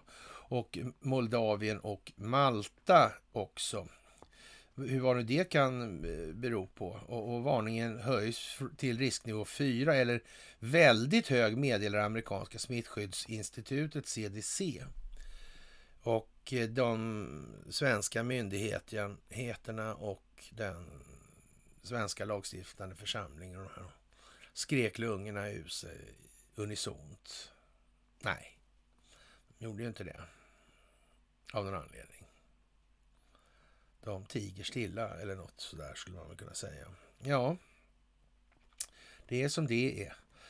Jaha, och EU varnar för att relationerna med Schweiz då och det, de är på liksom det sluttande planet och det består av nattgammal is då om man ska eh, tro på EU då som varnar för relationen, varn, varnar för att relationen med Schweiz är på randen då. Europeiska unionen har uttryckt oro över ett potentiellt sammanbrott i förbindelserna med Schweiz i fråga om EUs inre marknadsregler och vi har väl inte riktigt fattat det här, jo, men alltså, vi, vi, får väl nästan se det så här, men vänta nu är Schweiz neutralt, vänta det måste vara där eh, Wienkongressen 1815 eh, va? Var det inte så? Sen var det väl det där San Marino också by the way alltså. Ja. Och så var det där landet, den här som han, den här Vilks eller vad han hette va? Ja, ja, ja. ja Radonien va? Mm. Förklarade krig mot två neutrala länder. Som, för, för eh, San Marino var redan neutralt också, så det där var lite lustigt det där alltså. Mm. Vad gör de här neutrala ens? Ens? Vad håller de på med? Ja. Ja, Schweiz håller på med banker. Ja. Det gör väl Sverige också i och för sig. Ja, konstigt det där hur det har varit. Nummerkonton också. Mm. Ja, eller hur? ja, ja. Ja, ja. Kanske det inte ska vara så mycket nummerkonton framgent. Kan det vara något? Det här med schweizisk banksekretess. Kan det vara något? Som man vill ha bort? Kanske det måste finnas internationell insyn, överinsyn. Kan det vara så? För att det ska fungera, för att inte en sån knutpunkt ska korrumpera det. Men de är väl beroende av Swift-givarna? Jag tror det. Men på, på Swift får, och Swift får finnas i telekominfrastrukturen utan att betala en enda licensavgift. Och by the way, ja just det. Ericsson valde någonting också där. Hur var det? Ja, ja, det, så kan det vara. Jag vet inte. Ja, ja, men det blir säkert bra. Sådär och eh, ja, interna relationer ligger nog på lite tunn is som sagt. Jaha, Sveriges utrikesminister Ann Linde kommenterar beslutet att man stoppar den här ryska människorättsorganisationen med det här följande eminenta ja, uttalande då. Tragisk utveckling, det betyder att ryssar kommer att förlora en viktig kunskapskälla till sin historia, skriver Linde på Twitter då. Och ja, det är en tragisk historia för Linde helt enkelt. Och den här människorättsorganisationen sitter alltså på eh, väldigt betydande arkiv då, som alltså inte den ryska statsförvaltningen sitter på. Eller också är det på något annat vis alltså. Mm. Eller också gör den här eh, människorättsorganisationen då faktiskt inte vad de utger sig för att göra. Kan det vara så jävla dumt? Det kan det naturligtvis inte vara för hade någon sagt något, det fattar vem som helst. Så är det ju. Det är inte så alltså. Nej, nej, okej. Okay. Och eh, ja, de får sin rättmätiga lön för insatserna vad det lider. Det är vad det är helt enkelt. Och vissa vill ha högre fall än vad de hade behövt få kan man tycka. Men det tror jag faktiskt ändå att det är så. Och eh, jaha, regeringen vill ha ökad statlig styrning av järnvägsunderhållet. Och det kan man ju tycka är, är någonting som, eh, ja, borde inte det ha skötts för 10 000 år sedan? Men det kanske säger vad det säger också. Att vi befinner oss någonstans i ett sammanhang där vi kanske inte har befunnit oss tidigare när det gäller det allmänna medvetna, medvetandets utveckling. Faktiskt. Så kan det vara. Och eh, ja, det är ju märkligt. Fungerar det kanske bättre med samhällskontroll över kritisk infrastruktur istället för enskilda nyttomaximeringsintressen? Kan det vara så? Det kan vara så faktiskt. Eller det kan absolut inte vara på något annat vis i alla fall. Ja, det kan man ju faktiskt fundera lite över. Vinstmaximering på samhällets bekostnad är ju modellen som brukar kallas privatisering och ord styr tankar alltså. Det är vinstmaximering som är problemet alltså då i så fall. Och eh, ja, och vad och över tid leder det här till då? Om privata vinstmaximeringsintressen styr exempelvis elproduktionen, vad kan det leda till? Då? Var befinner vi oss idag till exempel? Handlar det här om optik? Handlar det här om att skapa bilden? Handlar det här om att människor ska förstå vad det här är för någonting? Är det det det handlar om? Ja, vad kan det vara alltså? Om privata vinstmaximeringsintressen styr kalkbrytningen, vad kan det leda till till exempel? Via cementen, via gruvorna och så vidare. Är, är det också ett sånt här pedagogiskt exempel kanske? Kan det vara det? Ja, om privata vinstmaximeringsintressen styr läkemedelsindustrin, vad kan det leda till? Ser vi något exempel på det här liksom i vaccinsammanhang till exempel? Det här med immaterialrätten, att de ska ha massa betalt för det här som faktiskt är nödvändigt då om man ska tro då de upplåsta grejerna som finns i de ägardirektivstyrda opinionsbildningsmedierna. Är det verkligen rimligt det här att läkemedelsindustrin har kontroll på det här? Är det så att det finns ingen forskning, det finns inga människor som vill forska och göra sådana här saker utan att det först och främst handlar om det materiella egenintresset eller den ekonomiska egennyttan? Det finns ingenting som har uppfunnits överhuvudtaget. Inga framsteg, ingenting har... Nej, nej, nej, okej. Okay. Jaha. Och om privata vinstmaximeringen styr, då prioriteras vinst. Om vinst prioriteras över samhällsnyttan, blir det bättre eller sämre för det gemensamma då? Ja, det är frågor man måste ställa sig här. Och eh, är det kommunism det här? Är det renodlad och rå kommunistisk diktatur? Nej, det är det inte alltså. Och samhällsbärande funktioner bör alltså kontrolleras av samhället. Det är helt säker. Och eh, ja, och om vi behöver mer bevis för det här, ja då kommer vi att få mer bevis för det här. Det är också helt säkert. Det kommer att bli så mycket att tillräckligt många förstår tillräckligt mycket för att vi ska kunna skapa en gemensam varaktig förändring utifrån en gemensam problemformulering. Det kommer inte bli någon lösning utgående ifrån att vi bestämmer oss på ett eller annat sätt som vi ska ha partier i inom ramen. Alltså nej, det här sitter mycket djupare än så. Det är mycket djupare än så, det här. Alltså, när man i Aftonbladet tar upp att det sitter en lirare med 8000 år kvar på sin kvarhållning i landet. Ja, men då är det ju vad, alltså man måste fatta nu här. Det är större grejer i rörelse än det här småttiga skiten som alla har en sån förkärlek för att fastna i. Så. Jaha, regeringen har gett Trafikverket i uppdrag att se över förutsättningarna för att ta över delar av järnvägsunderhållet i statlig regi. Jag vill se en tydligare kontroll för hur resurserna används för underhåll, säger infrastrukturminister Thomas Eneroth i ett uttalande. Branschföreningen Svenska järnvägsentreprenörer naturligtvis, de är kritiska till planerna om ett förstatligande av det svenska järnvägsunderhållet. Ja, det tror fan det. Det gäller ju att kunna tjäna sin hacka här. Och eh, att Trafikverket ska bygga upp en omfattande e egenregiverksamhet skulle förflytta fokus och kosta mer skattepengar än det skulle ge effekt, säger Robert Röder, ordförande i FSJ, i ett pressmeddelande. Föreningen menar att underhåll och utförande av järnvägsentreprenadtjänsterna ska fortsatt upphandlas i konkurrens? Nej, det ska det inte. Det ska det inte göra, nej. Det är bara så. Det ska vara samhällsnytta som verkar ledande i den meningen. Att man ska göra det här så rationellt och med så hög verkningsgrad som möjligt. Det ska inte vara någonting som ses som exklusivt för dem som konkurrerar. Vad är det för jävla dumheter?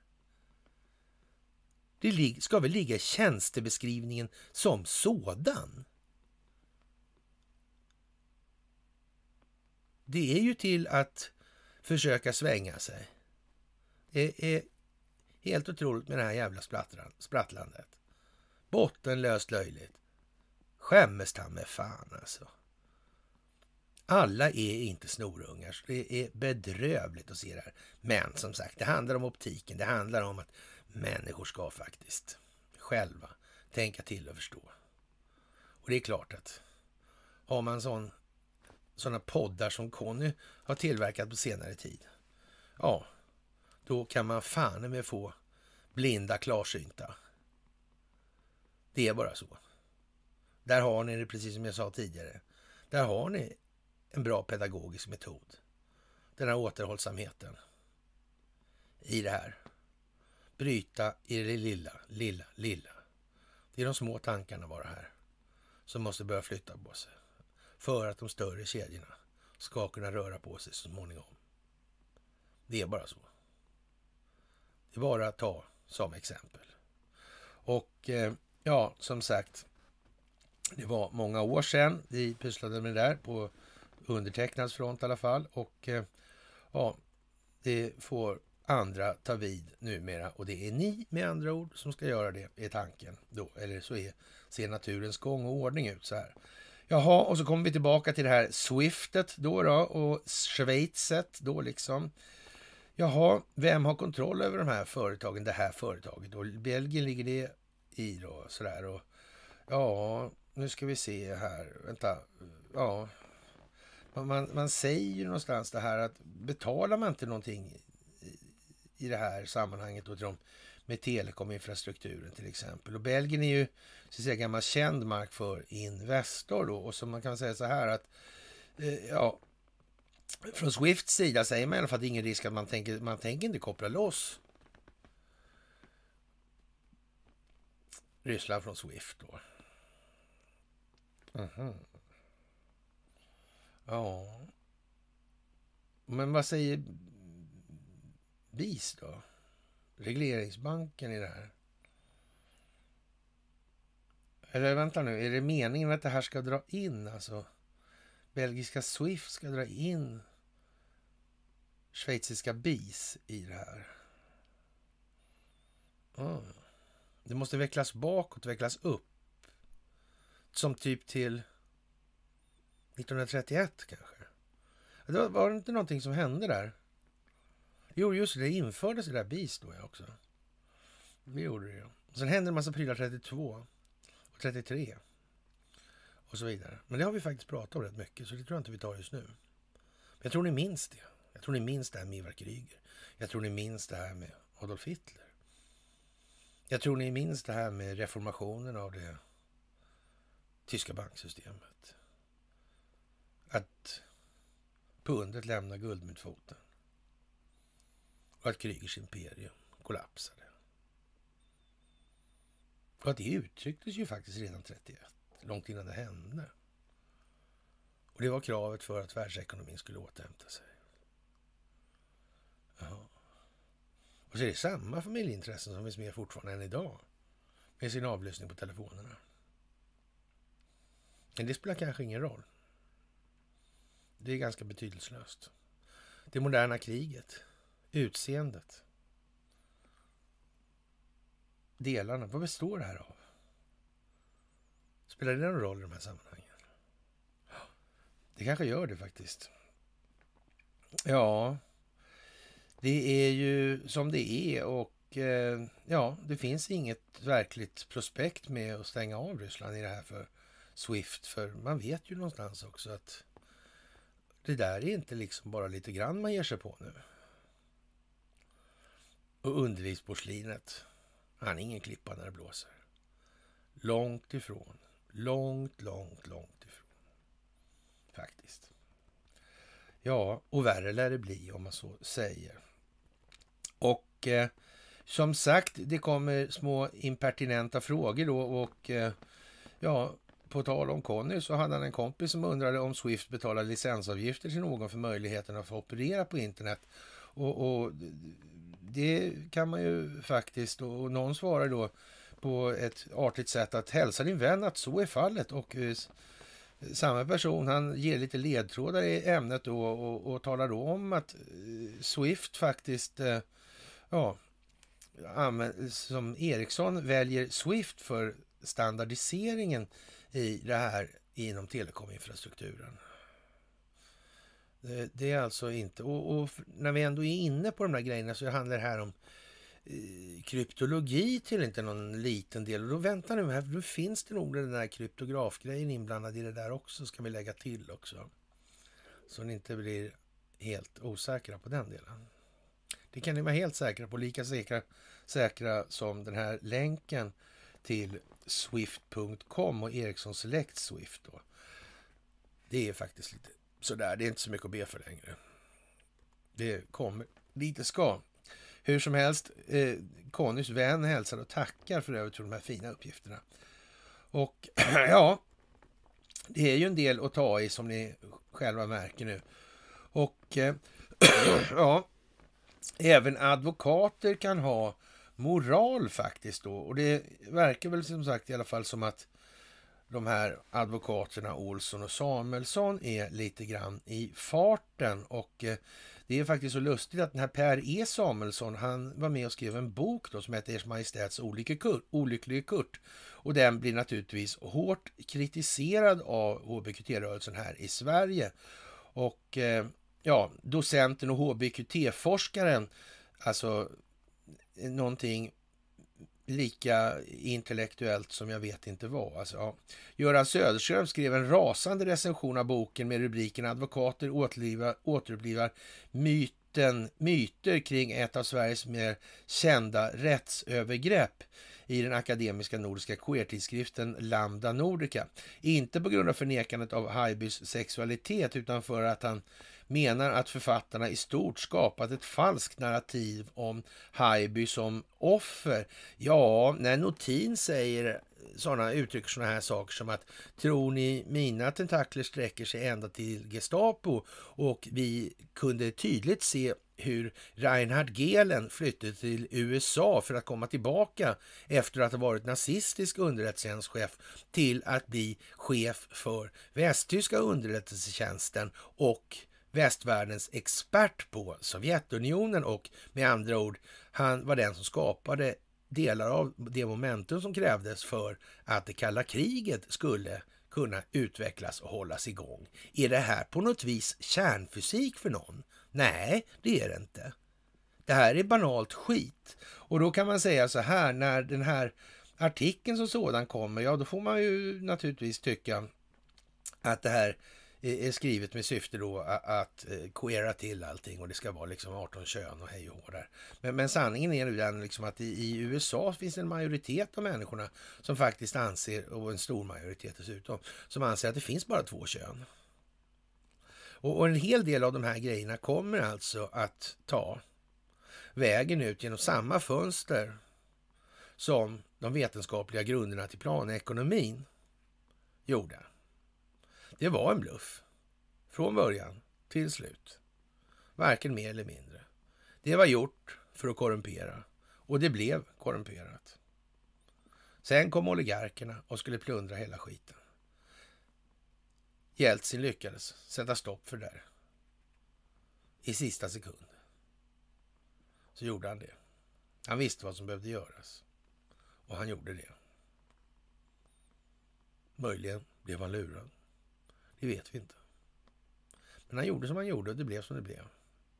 Det skulle ta lång tid innan Ryssland hade kraft nog att föra en egen utrikespolitik värd namnet. Men det kom. Det kom. Qasem Soleimani var i Kreml och diskuterade den ryska interventionen i Syrien i flera år innan det skedde. Så var det också. Det var planerat. Det är inte svårare än så, faktiskt. Jaha, och det här är ju lite trevligt kan vi konstatera då. Och eh, ja, man får väl eh, säga det här med, med eh, Haijby och, och Notin då, för det är samma jävla Notin som det här med falska solidaritet. Så det är inte, fler, inte flera stycken här nu, utan det är en ja, överståtalare i de här sammanhangen. Och, och, det är verkligen så alltså att har man tagit Notin i båten får man ron i landet såklart. Han börjar ju dock som socialdemokrat, som Per Albin i sin röda himmel lär lätt.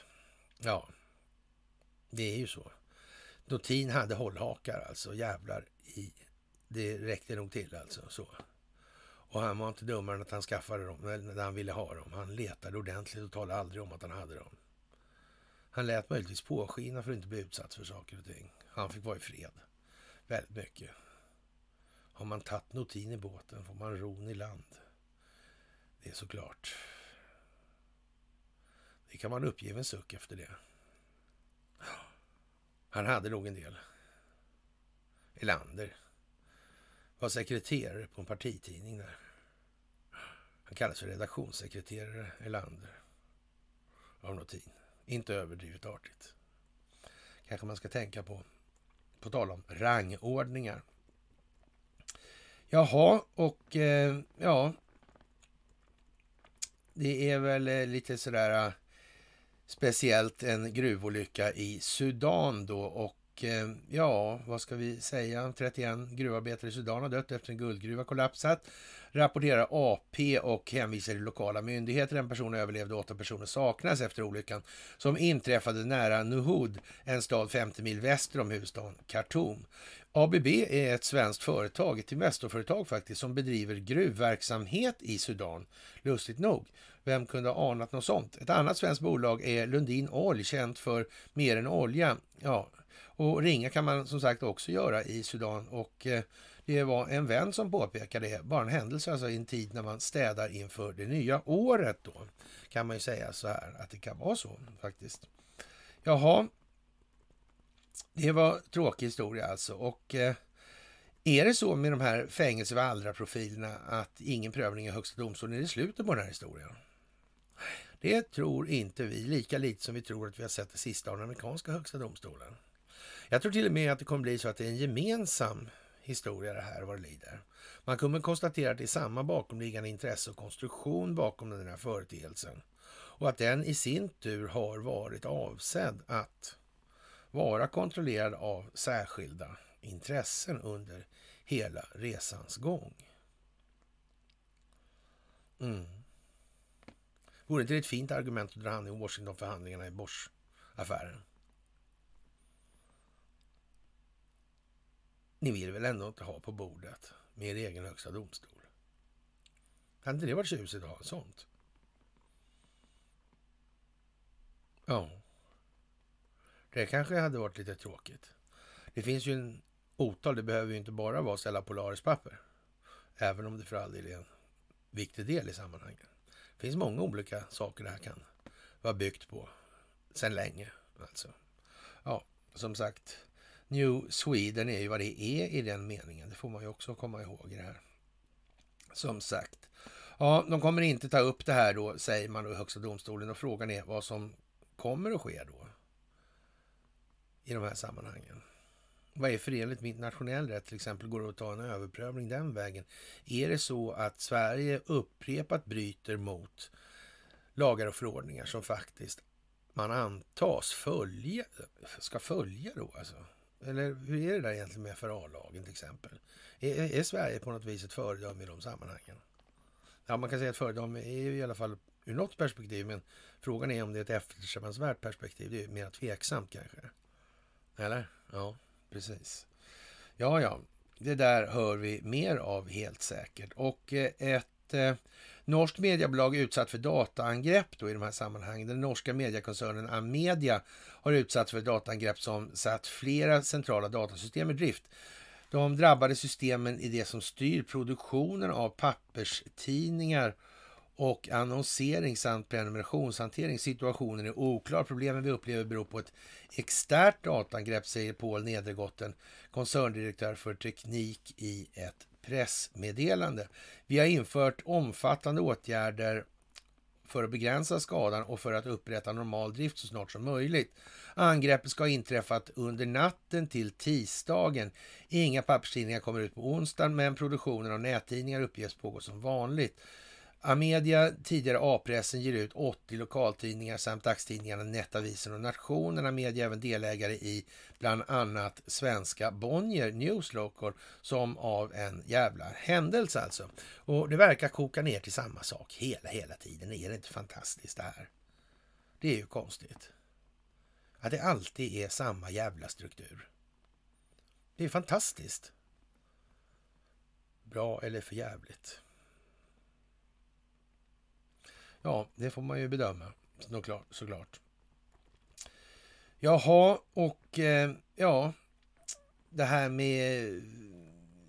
Man har vetat det här länge och Wesley Clark, han har en amerikansk general, han pratade ju för länge sedan om det här med sju länder, man måste, eller sju krig man måste köra från amerikansk sida, det här var på 90-talet då.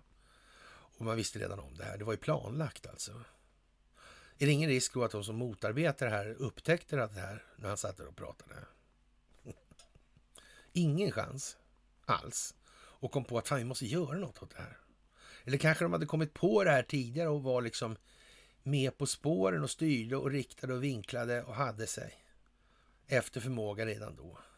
För att det här sedermera skulle mynna ut i någon form av öppen vändning i form av presidentskapet under Donald Trump med det här efterföljande residentskapet av herr Underlivsporslin som ska få det sitt, vad ska att säga, lite proprienomen i det där alltså.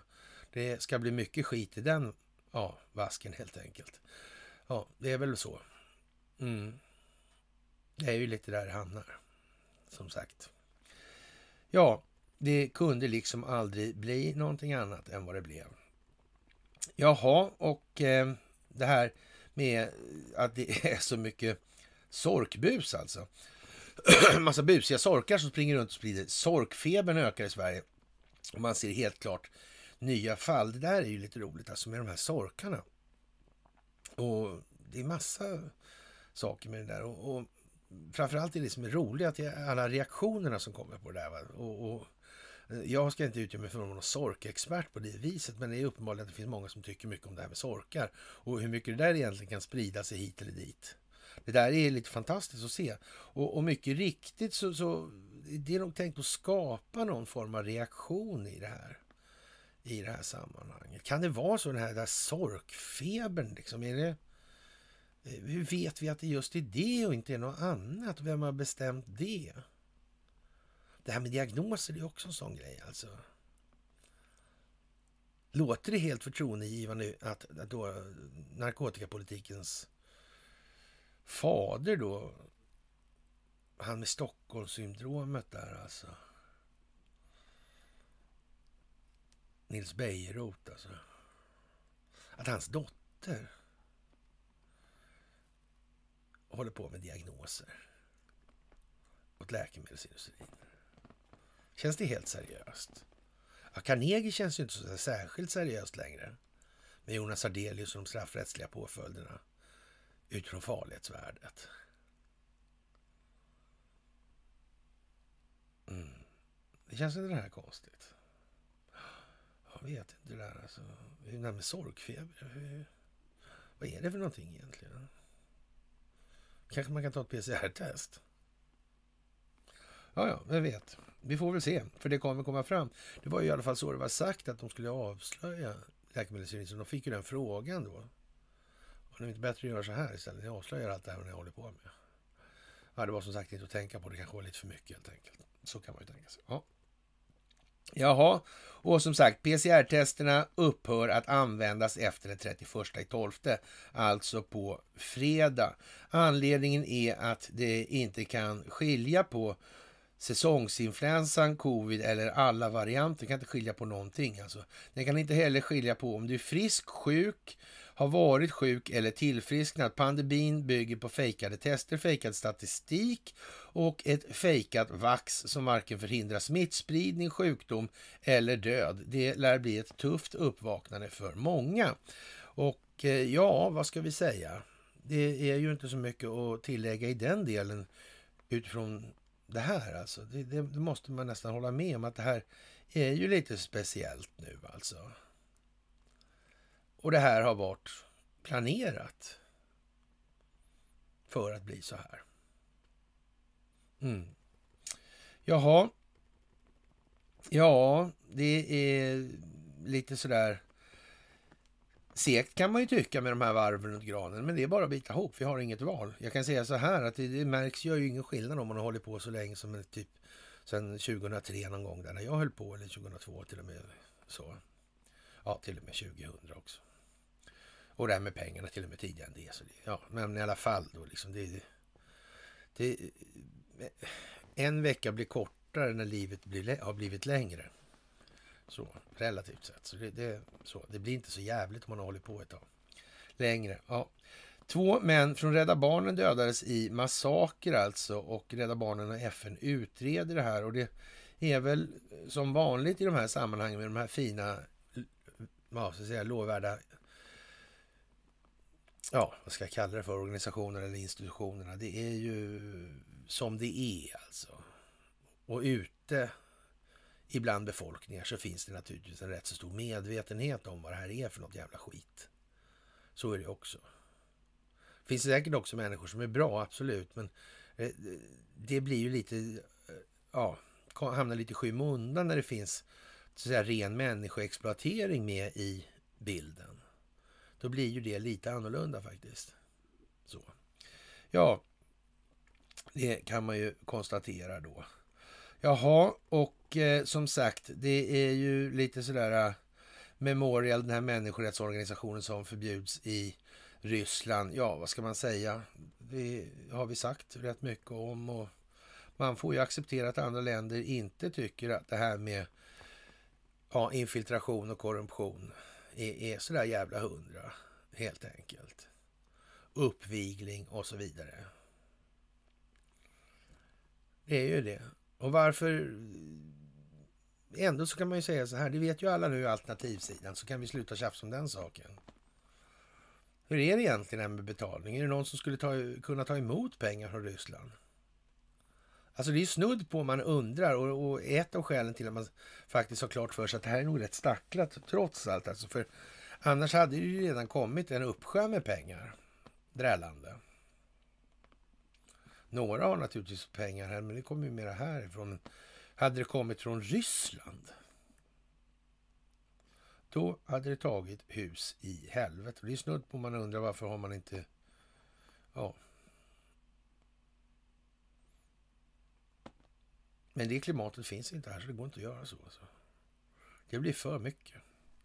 Jaha, WHO varnar för omikron, även med mildare symptom alltså.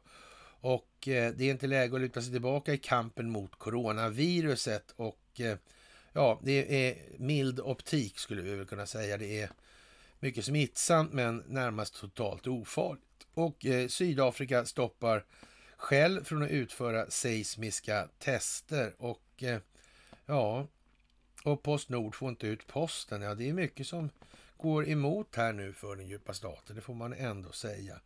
Och eh, på tal om eh, svenska klassiker så har vi den här donnan Annika Winst alltså. Och ja, nu ska vi inte ge oss på henne på det viset, men, men vi kan nog konstatera i alla fall att eh, hon går en rätt annorlunda framtid till mötes i förhållande till vad hon nog hade tänkt sig för inte allt för länge sedan.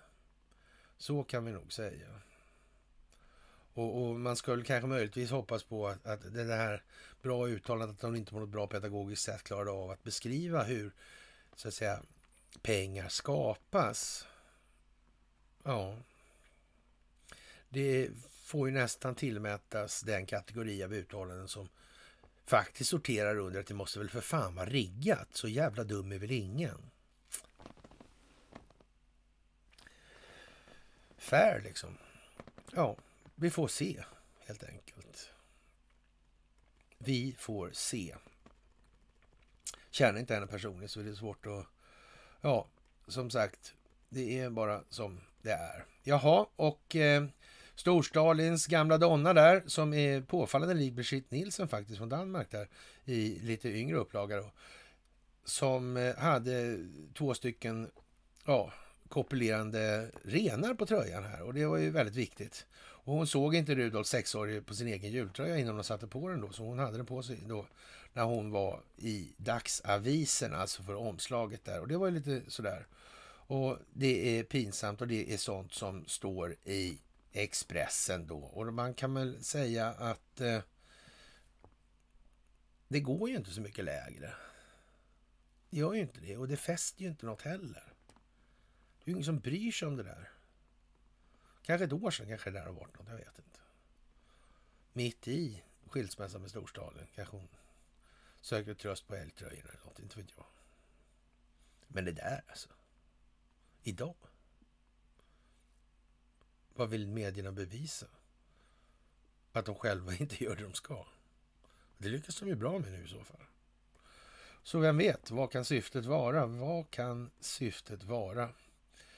Och eh, ja, omfattande coronautbrott på Postnord skapar förseningar på posten, alltså eller i posthanteringen och det är väl som det är kanske då.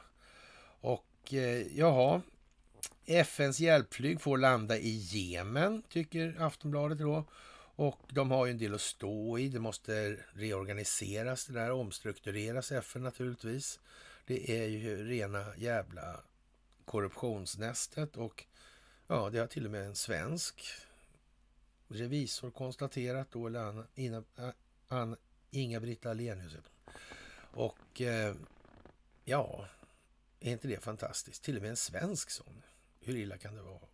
Hon skrev boken den här Welcome Mr Chance då, om den här FNs generalsekreterare då, dåvarande i det här. Det är många saker som händer och Kina vill be FNs generalsekreterare då att dela ovannämnda information till alla stater som är med i rymdfördraget. Alltså det handlar om att man ska säga åt Elon Musk att ta ansvar för det här med att han skickar upp så mycket satelliter så det håller på att bli rymdkaos. Här, va? Mm. Ja, men det är väl praktiskt då och, och, vad kan komma ut av det där? Och det jag tror vi har så att säga rätt klart för oss vad det här är för någonting. Och eh, det är skuldfesten tar paus med risk för nya höjder inom kort angående bolånemarknaden. Och, och det här är ju klart då, alltså hur mycket finansiell kostnad kan en realekonomi bära upp helt enkelt. Det är vad det är. Ja. Och när den inte kan bära upp den här finansiella belastningen, den här ackumulerade räntekostnaden, vad händer då för någonting? Och vad leder det till i sin tur? Vad händer? Ja. Går det att göra någonting åt det då? Går det att få stopp på det? Går det att göra en partiell skuldavskrivning, kanske ta sig ner under skuldmättnadspunkten? Vad händer sen? Då försvinner tillväxtkravet då? Nej, det gör ju inte det. Det gör ju inte det. Så någon gång på Almedalen för massa år sedan så sa vi så här, det finns ju faktiskt en praktisk lösning på det här också. Det är bara att köra det baklänges. Ge dem minst kreditvärdiga de största lånen och ge dem ingen återbetalningstid eller oändligt. Den lägsta räntan. Så kan man lösa det. Tror någon att de är väldigt pigga på att lösa det på det sättet? Nej. Israel kanske är. Med 8000 års skuldsättning. På han som inte får resa till Australien. Vi kanske ska införa gäldstugan här igen i Sverige. Ja, det blir nog bra. Det blir nog jävligt bra. Ja. Vi får väl se hur bra det blir helt enkelt. Och eh, Ja, det här med vad som är ekonomi och vad som är rikedom och så vidare. Det är som sagt Ja, tisdagens lånestatistik från SCB bjöd också på en historisk notering. Snitträntan för rörliga bolån i november var den lägsta sedan mätningarna började 2005. Då. Och den var hela 1,38 procent. Så det är ju inte läge att sänka så där våldsamt mycket mer utan att det blir totalt trovärdighetsraserande det här. Och vem vet, det har ju inte blivit bättre av att man har sänkt det så här. Det har ju blivit sämre. Hur kommer det sig? Det är inte mekaniskt betingat på något vis. Att det måste ut en allt mer växande penningmängd för att försörja en allt mer växande ackumulerad räntekostnad. Ceteris paribus, alltså allting annat oförändrat. Det är inte så. Nej. Jag säger bara varmt lycka till till alla som tänker tjafsa emot i den här saken. Det är helt jävla säkert. Som sagt, kartell, kartellsaneringsdags för ICA då, när sista handelsdagen för ICA är spikad. Det blir den 13 januari och ICA ligger på Nasdaq i Stockholm, häpnadsväckande nog. Och nu har vi gått igenom det där så många gånger så nu det här med köp och säljordrar i det där systemet för att trissa priser och, och låta de här ja, så att säga nettot eller tillgodogörandet på de här transaktionerna som ligger emellan där tillfalla på olika sätt för att skapa finansiella muskler. Ja, vad är det där alltså? Kan det ha gått till så verkligen? Är det sån, skulle inte någon ha sagt något, sån typ som Finansinspektionen och Ekobrott? Nej, just de skulle ju inte det. Nej, för de hade ju inga sådana strukturella möjligheter. Det hade de ju inte. Nej, nej just det, precis. Mm, och de var inte dugg korrumperade faktiskt, inte alls. Det var ingen institutionaliserad korruption där på något sätt i något som helst sammanhang. Det är därför amerikanska myndigheter får tala om när svenska bolag begår brott och så här. För de svenska myndigheterna. undrar varför de inte gör något. Någon skulle ju ha sagt något, men uppenbarligen var det en svensk som tiger. En svensk tiger. Ja, ja, så kan det ju vara förstås. Det får man ju förstå. Jaha, och eh, Kina utvidgar lockdownen då till hela hundratusentals fler människor. Man har ju inte, lägger inte fingrarna emellan på det sättet och det här är det gamla vanliga. I, I de sammanhangen finns det någon koppling någonstans till någonting. Ja, ofta gör det ju faktiskt det. Det är ovanligt om saker som inte beror på någonting. Eller av någonting överhuvudtaget faktiskt. Och eh, ja, vad ska vi säga? Det finns väl sådana som har lagt sig i Kinas inre angelägenheter under lång tid kan man säga. Och, och de verkar tydligen husera i de här regionerna på något vis alltså. Det är borgmästares råd och det är fan och hans mormor alltså. Och massa sådana här eh, dollarmiljardärer i, i hårda kommunistiska diktaturer och så vidare. Det är ju lite som det är faktiskt. Och eh, ja, det är inte bra det här med Karl-Bertil Jonssons julafton och man har konstaterat att Ja, det är ju lite, man, man, det här med kommunism i sin barm och sådär och vad är ägande för någonting och vad är kontroll för någonting och det här är ju liksom ett gäng bebisar som diskuterar de här sakerna. Ja, men de förstår inte ens att göra skillnad på ägande och kontroll. De förstår definitivt inte att göra skillnad på sanning och verklighet. Verkligheten verkar lika i det här i någon mening och den meningen är nuet. Det är bara då verkligheten existerar. Ja. Och sanningen är en enskild företeelse. Det är resandens ensak, resandens uppfattning. Det är vad det är. Sanning kan aldrig bli verklighet. Annat än hos Gud, som är allt. Men Gud är kärlek också, säger man. Nej. Ja, inte att retas. Så.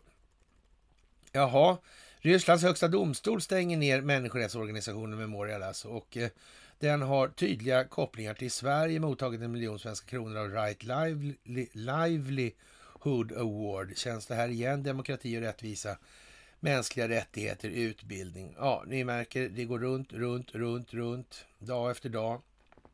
Och eh, Indien blockerar utländskt stöd till katolska nunneorden och hjälporganisationen Missionaries of Charity som grundades av Moder Teresa. Och Moder Teresa har ju ett renommé som är minst sagt tudelat numera. Där det ena förespråkar ett riktigt helgon och det andra någonting lite mindre smickrande skulle man väl kunna säga då. Så har vi varit lite juliska så här i nyårstider då. Kan vi ju faktiskt tänka till liksom. Ja, Indien stoppar stöd till katolsk hjälporganisation. Man anser alltså inte att de pysslar med vad de utger sig för att göra. Och det kan man ju undra vad det kan bero på. Jaha. Och eh, ja, vad ska vi säga, det här med rasism med vit mjölk i svart kaffe och så vidare. Det är ju någonting som kanske möjligtvis prisas på svenska universitet, men jag är inte så säker på att om det har varit så, så, så, känns det som att någon har ju faktiskt gjort det med flit för att nå just de här opinionsbildningsmässiga effekterna som, man, som faktiskt uppstår när det här tas upp i ja, internationella medier om den fantastiska svenska institutionaliserade akademins intellektuella nivå. Fantastiskt bra alltså. Jättebra. Ja, inte dugg larvigt och löjeväckande. Ramzan Kadyrov, han håller något annan kaliber på rätt många olika sätt och han tycker helt enkelt att eh, men det får vara färdigkacklat va, i, i det här. Och, och han är ju van vid att infiltrera Isis och såna här grejer. Han tycker helt enkelt att eh, ja, Ukraina skulle annekteras av, om, av Moskva om president Vladimir Putin eller Vladimir Zelensky inte ändrar inriktning med, från det här antiryska faktiskt. Och, och tycker Kadyrov är en rimlig grej alltså. Och eh, ja, det, det, är i alla fall då Kadyrovs fasta övertygelse att det här med Ukraina är, är en del av Ryssland och ingenting annat. Och det där är ju kanske lite svårt för oss som inte bor i regionerna i fråga alltså. Men det kan man väl tänka sig att det, ja, det här med autonoma republiker och när har någon rätt att göra något. Hur, vad förlorar resten på det egentligen? Det, det är ju kanske sådär. Om, om det ska vara ett samhälle så att säga i, i den meningen. Och, ja, vad, vad ska det här bygga på då? Och eh, ja, som sagt, men initialt så måste man ha länder alltså sådär. Det måste man ha. Och det måste bygga på ett språk. Det måste bygga på kommunikation. Det tappar för mycket. Vi tappar för mycket fart i utvecklingen om vi skulle säga gräva ner oss på Babels torn-nivån igen och alla börjar prata olika. Gick inte att kommunicera alls då. då. Om någon undrar vad språkvården har varit ägnad till. Så det kan vara bra att tänka på, menar jag. Ibland. Jaha, och eh, vad ska vi säga? Det här med språkvården är ju viktigt och det tar aldrig slut. Det är någonting som vi får vänja oss vid att faktiskt hantera efterhand också. Och eh, ja, nu har vi i alla fall en massa saker som händer då och eh, ja, man visar sig då att de här kopplingarna till den 6 januari, de kliver fram nu ordentligt alltså. Och det här kommer samtidigt som det här med Fulton County och fusket och Durham-utredningen och så vidare. Och nu är det ju en gång så här att det här måste ju, ja, vad ska vi säga, tas i, i rätt ordning. Det går ju inte att ta det här hur man vill sådär. Och till exempel kan man inte ta det här så länge det här jävla covid-skiten håller på. För nu står ju alla och glor på det. Det går inte. Det är bara liksom, det måste vara stegvis. Det måste monteras ner, det måste byggas upp, det måste förklaras och så vidare i det här för att kunna nå en varaktig förändring. Och det är precis den metodiken, det är den pedagogiken det som skapar den optiken som skapar en bild som kan ha referensvärden i människor idag. Man får ta det dit man kommer, helt enkelt. Jaha, det är väl eh, som det är kan vi ju säga. Och eh, maken till stacklad timing när då Hillary Clinton började skicka upp bilder från när hon var First Lady i Vita huset. Det kan man ju säga är lite sådär, ja, Mm. Precis. Centralbankens murar krackelerar. Nu letar Sverige vänner på andra sidan. Det, det, kan man ju eh, säga vad man vill om eller tycka vad man vill om det här. Men vi har nu en gång en situation som är den att människor har börjat fatta att det här systemet är en bluff. Och att det här hålls på plats av ett juridiskt system, det här ekonomiska systemet. Det har de också fattat. Och är det så att det är bluff i grunden, ja då blir det lite bluff i det efterkommande också. Alltså det juridiska systemet som är ägnat att backa upp det ekonomiska systemet har liksom inte bättre logik i sin rättsliga grund än vad som är möjligt. Det går inte. Så är det alltså inte. Det är samma kassa skit alltså. Det är bara så. Faktiskt. Jaha. Och och eh, Björn Söder tycker att man ska ta vaccin och det är naturligtvis de här människorna som röstar på Sverigedemokraterna tyckte att nu får det fan med vara nog. Och det är det tacksamma med dem och det ska de ha en jävla eloge för. Att de har ju en gång upptäckt att någonting är inte som det borde vara här. Va? Sen, sen kanske det var lite surare att inse då att det här gänget som de har så att säga, lagt tid och energi på är, är liksom inte en millimeter bättre än vad de här som har hållit på i, ja, sedan 1920-talet i princip. Det, det, det, är liksom så. Det, det, men de ska ha en jävla eh, cred för att de faktiskt... Det är inget större problem med att, att ställa sig bakom en riktig problemformulering för den sakens skull nu. Det är jävligt bra, ska jag säga. Stort A i den klassen helt enkelt. Och eh, ja, som sagt, eh, ja, det är nästa lockdown i Finland börjar då alltså i, ja, var det går eller idag? Ja, det är ju som det är och det handlar om optiken och det handlar om att finnarna ska ta sig samman. Samtidigt som man gör med det så pausar man då det här med vaccinbevisen. Det räcker inte. Och det här är ju vad det är. Det går liksom inte att göra så mycket mer tydligt längre. Det är bara som det är. Och eh, ja, vi har en massa olika saker med det här vaxet och boosters och så vidare och så vidare. Men ja, det här kommer att plana bort nu med början på fredag. Så. De amerikanska myndigheterna har redan talat om vad det här är för någonting nu. Det går inte för svenska myndigheter att säga tvärt emot. Det kommer inte fungera. Det finns inga möjligheter med trovärdighet i det här. Och eh, ja, Bill Browder, han åkte runt i Sverige av alla ställen, tänka sig, i CNNs strategiska partnerblaska. Ser det lite dumt ut så här i ljuset från verkligheten och han börjar prata om Magnitskijlagen som svider för Putins guldgossar och Sverige borde införa lagen som Putin hatar. Och eh, ja, vi har ju pratat om just det här med Bill Browder och han anmälde då det här med Swedbank och penningtvätten. Vad är det här för någonting? Och det här kan det här vara riggat? Eller? Det ser ju fan ut så. Helt klart.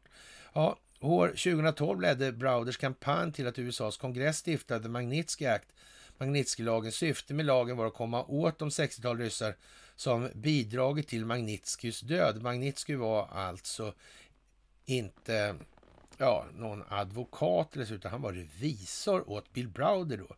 Och, och, han började ju gola så det räckte och blev över och, och så dog han då. Eller omvänt kan man ju säga, så Vladimir Putin de tyckte det smartaste de kunde hitta på det var döda kronvittnen de hade då. Ja. Syftet med lagen var att komma åt de 16 ryskar som bidragit till hans död, alltså eller Magnitskis död alltså. Ja.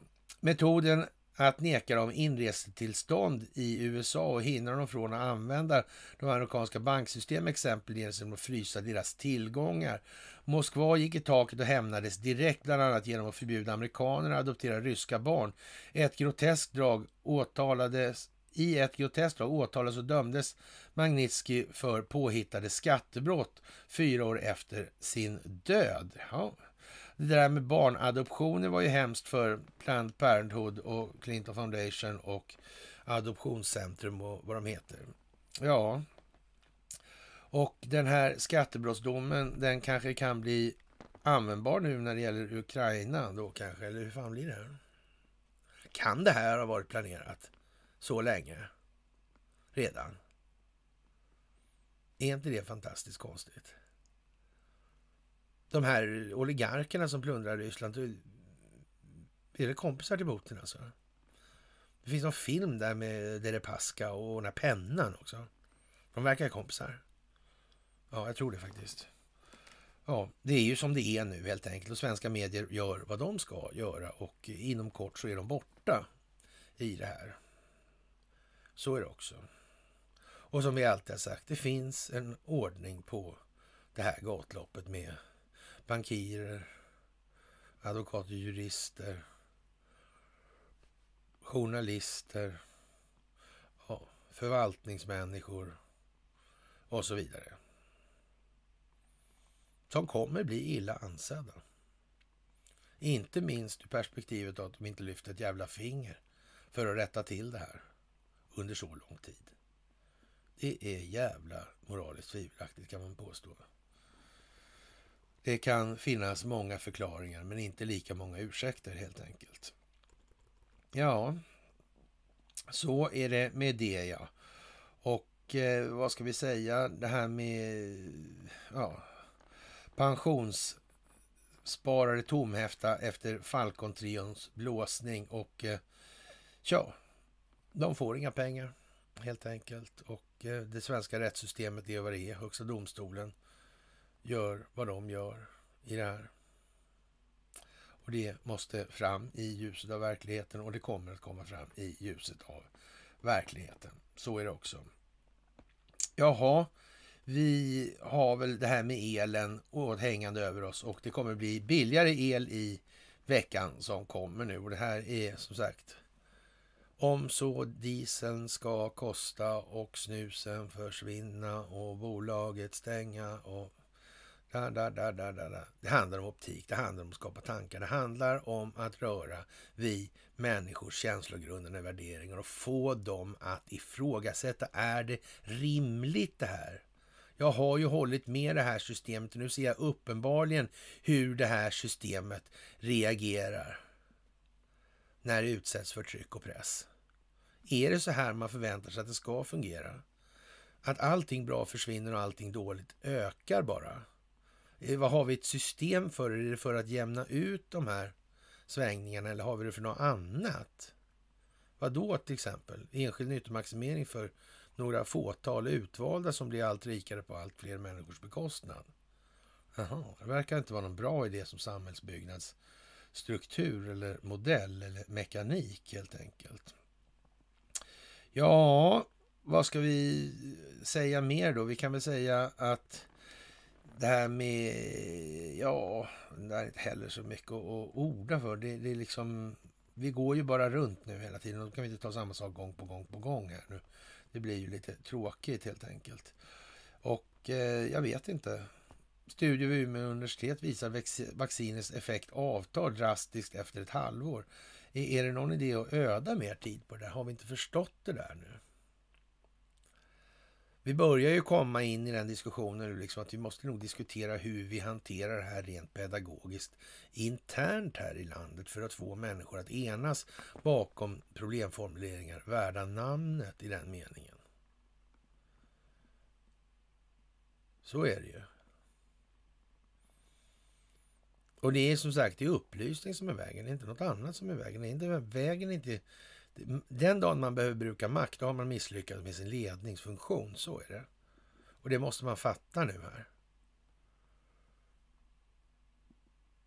Och de här som följer ändå, de här 80 procenten, de behöver inte bruka någon makt för de kommer göra det ändå bara. De kommer välja det av fri vilja för det är så många andra. De där som är lite, ja, så. De har en självbild som gör att de gör så då, helt enkelt. Då kan man ju tycka vad man vill om det, men nu är det så det är. Och så har det alltid varit. Och i någon mån så kommer så att säga, segmenteringen i det stratat kommer att, så att säga, alltid se ut så. Fast sen kommer det vara liksom, det är ju inte samma sätt nu som det var på Bo Jonssons grip dagar på 1300-talet. Det är det ju inte. Utan det är ju faktiskt mer sofistikerat och mer kvalificerat nu. Så det går ju framåt och nu går det framåt mycket snabbare än man har gjort tidigare på grund av det förändrade informationsrörlighetsklimatet. Och jag tror någonstans att de flesta faktiskt förstår det här. Det är jag till och med helt säker på att de gör. Och eh, ja, vad, vad, vad månde bliva liksom av det här? Det kan inte bli något annat än bra. Det är bara så. Det är det enda det här kan bli. Och eh, med det, kära vänner, så har vi väl förspilt en bra stund, skulle man kunna säga. Ja, och det är kanske är bra i de här tiderna. Det är mycket tid för eftertanke och det är meningen just nu med det här folkbildningsprojektet. Det är de här dagarna, det är då de stora förändringarna ska genomföras i människors mentala disposition. Det är nu eftertanken. Och därför är det oerhört glädjande med den korrespondens som vi får i fråga om att det faktiskt händer saker ordentligt. Folk har hunnit tänka efter. Det behövs kanske inte så mycket tid, för det är inga svåra tankar. Det gäller bara viljan att våga. Ja, kära vänner, och med det så får vi väl säga att vi har gjort vad vi ska idag. Och eh, ja, vi hörs väl på nyårsafton och får väl hålla ett litet ode även då i form av ett fredagsmys. Och med det får jag önska er en trevlig fortsättning och en trevlig piglördag.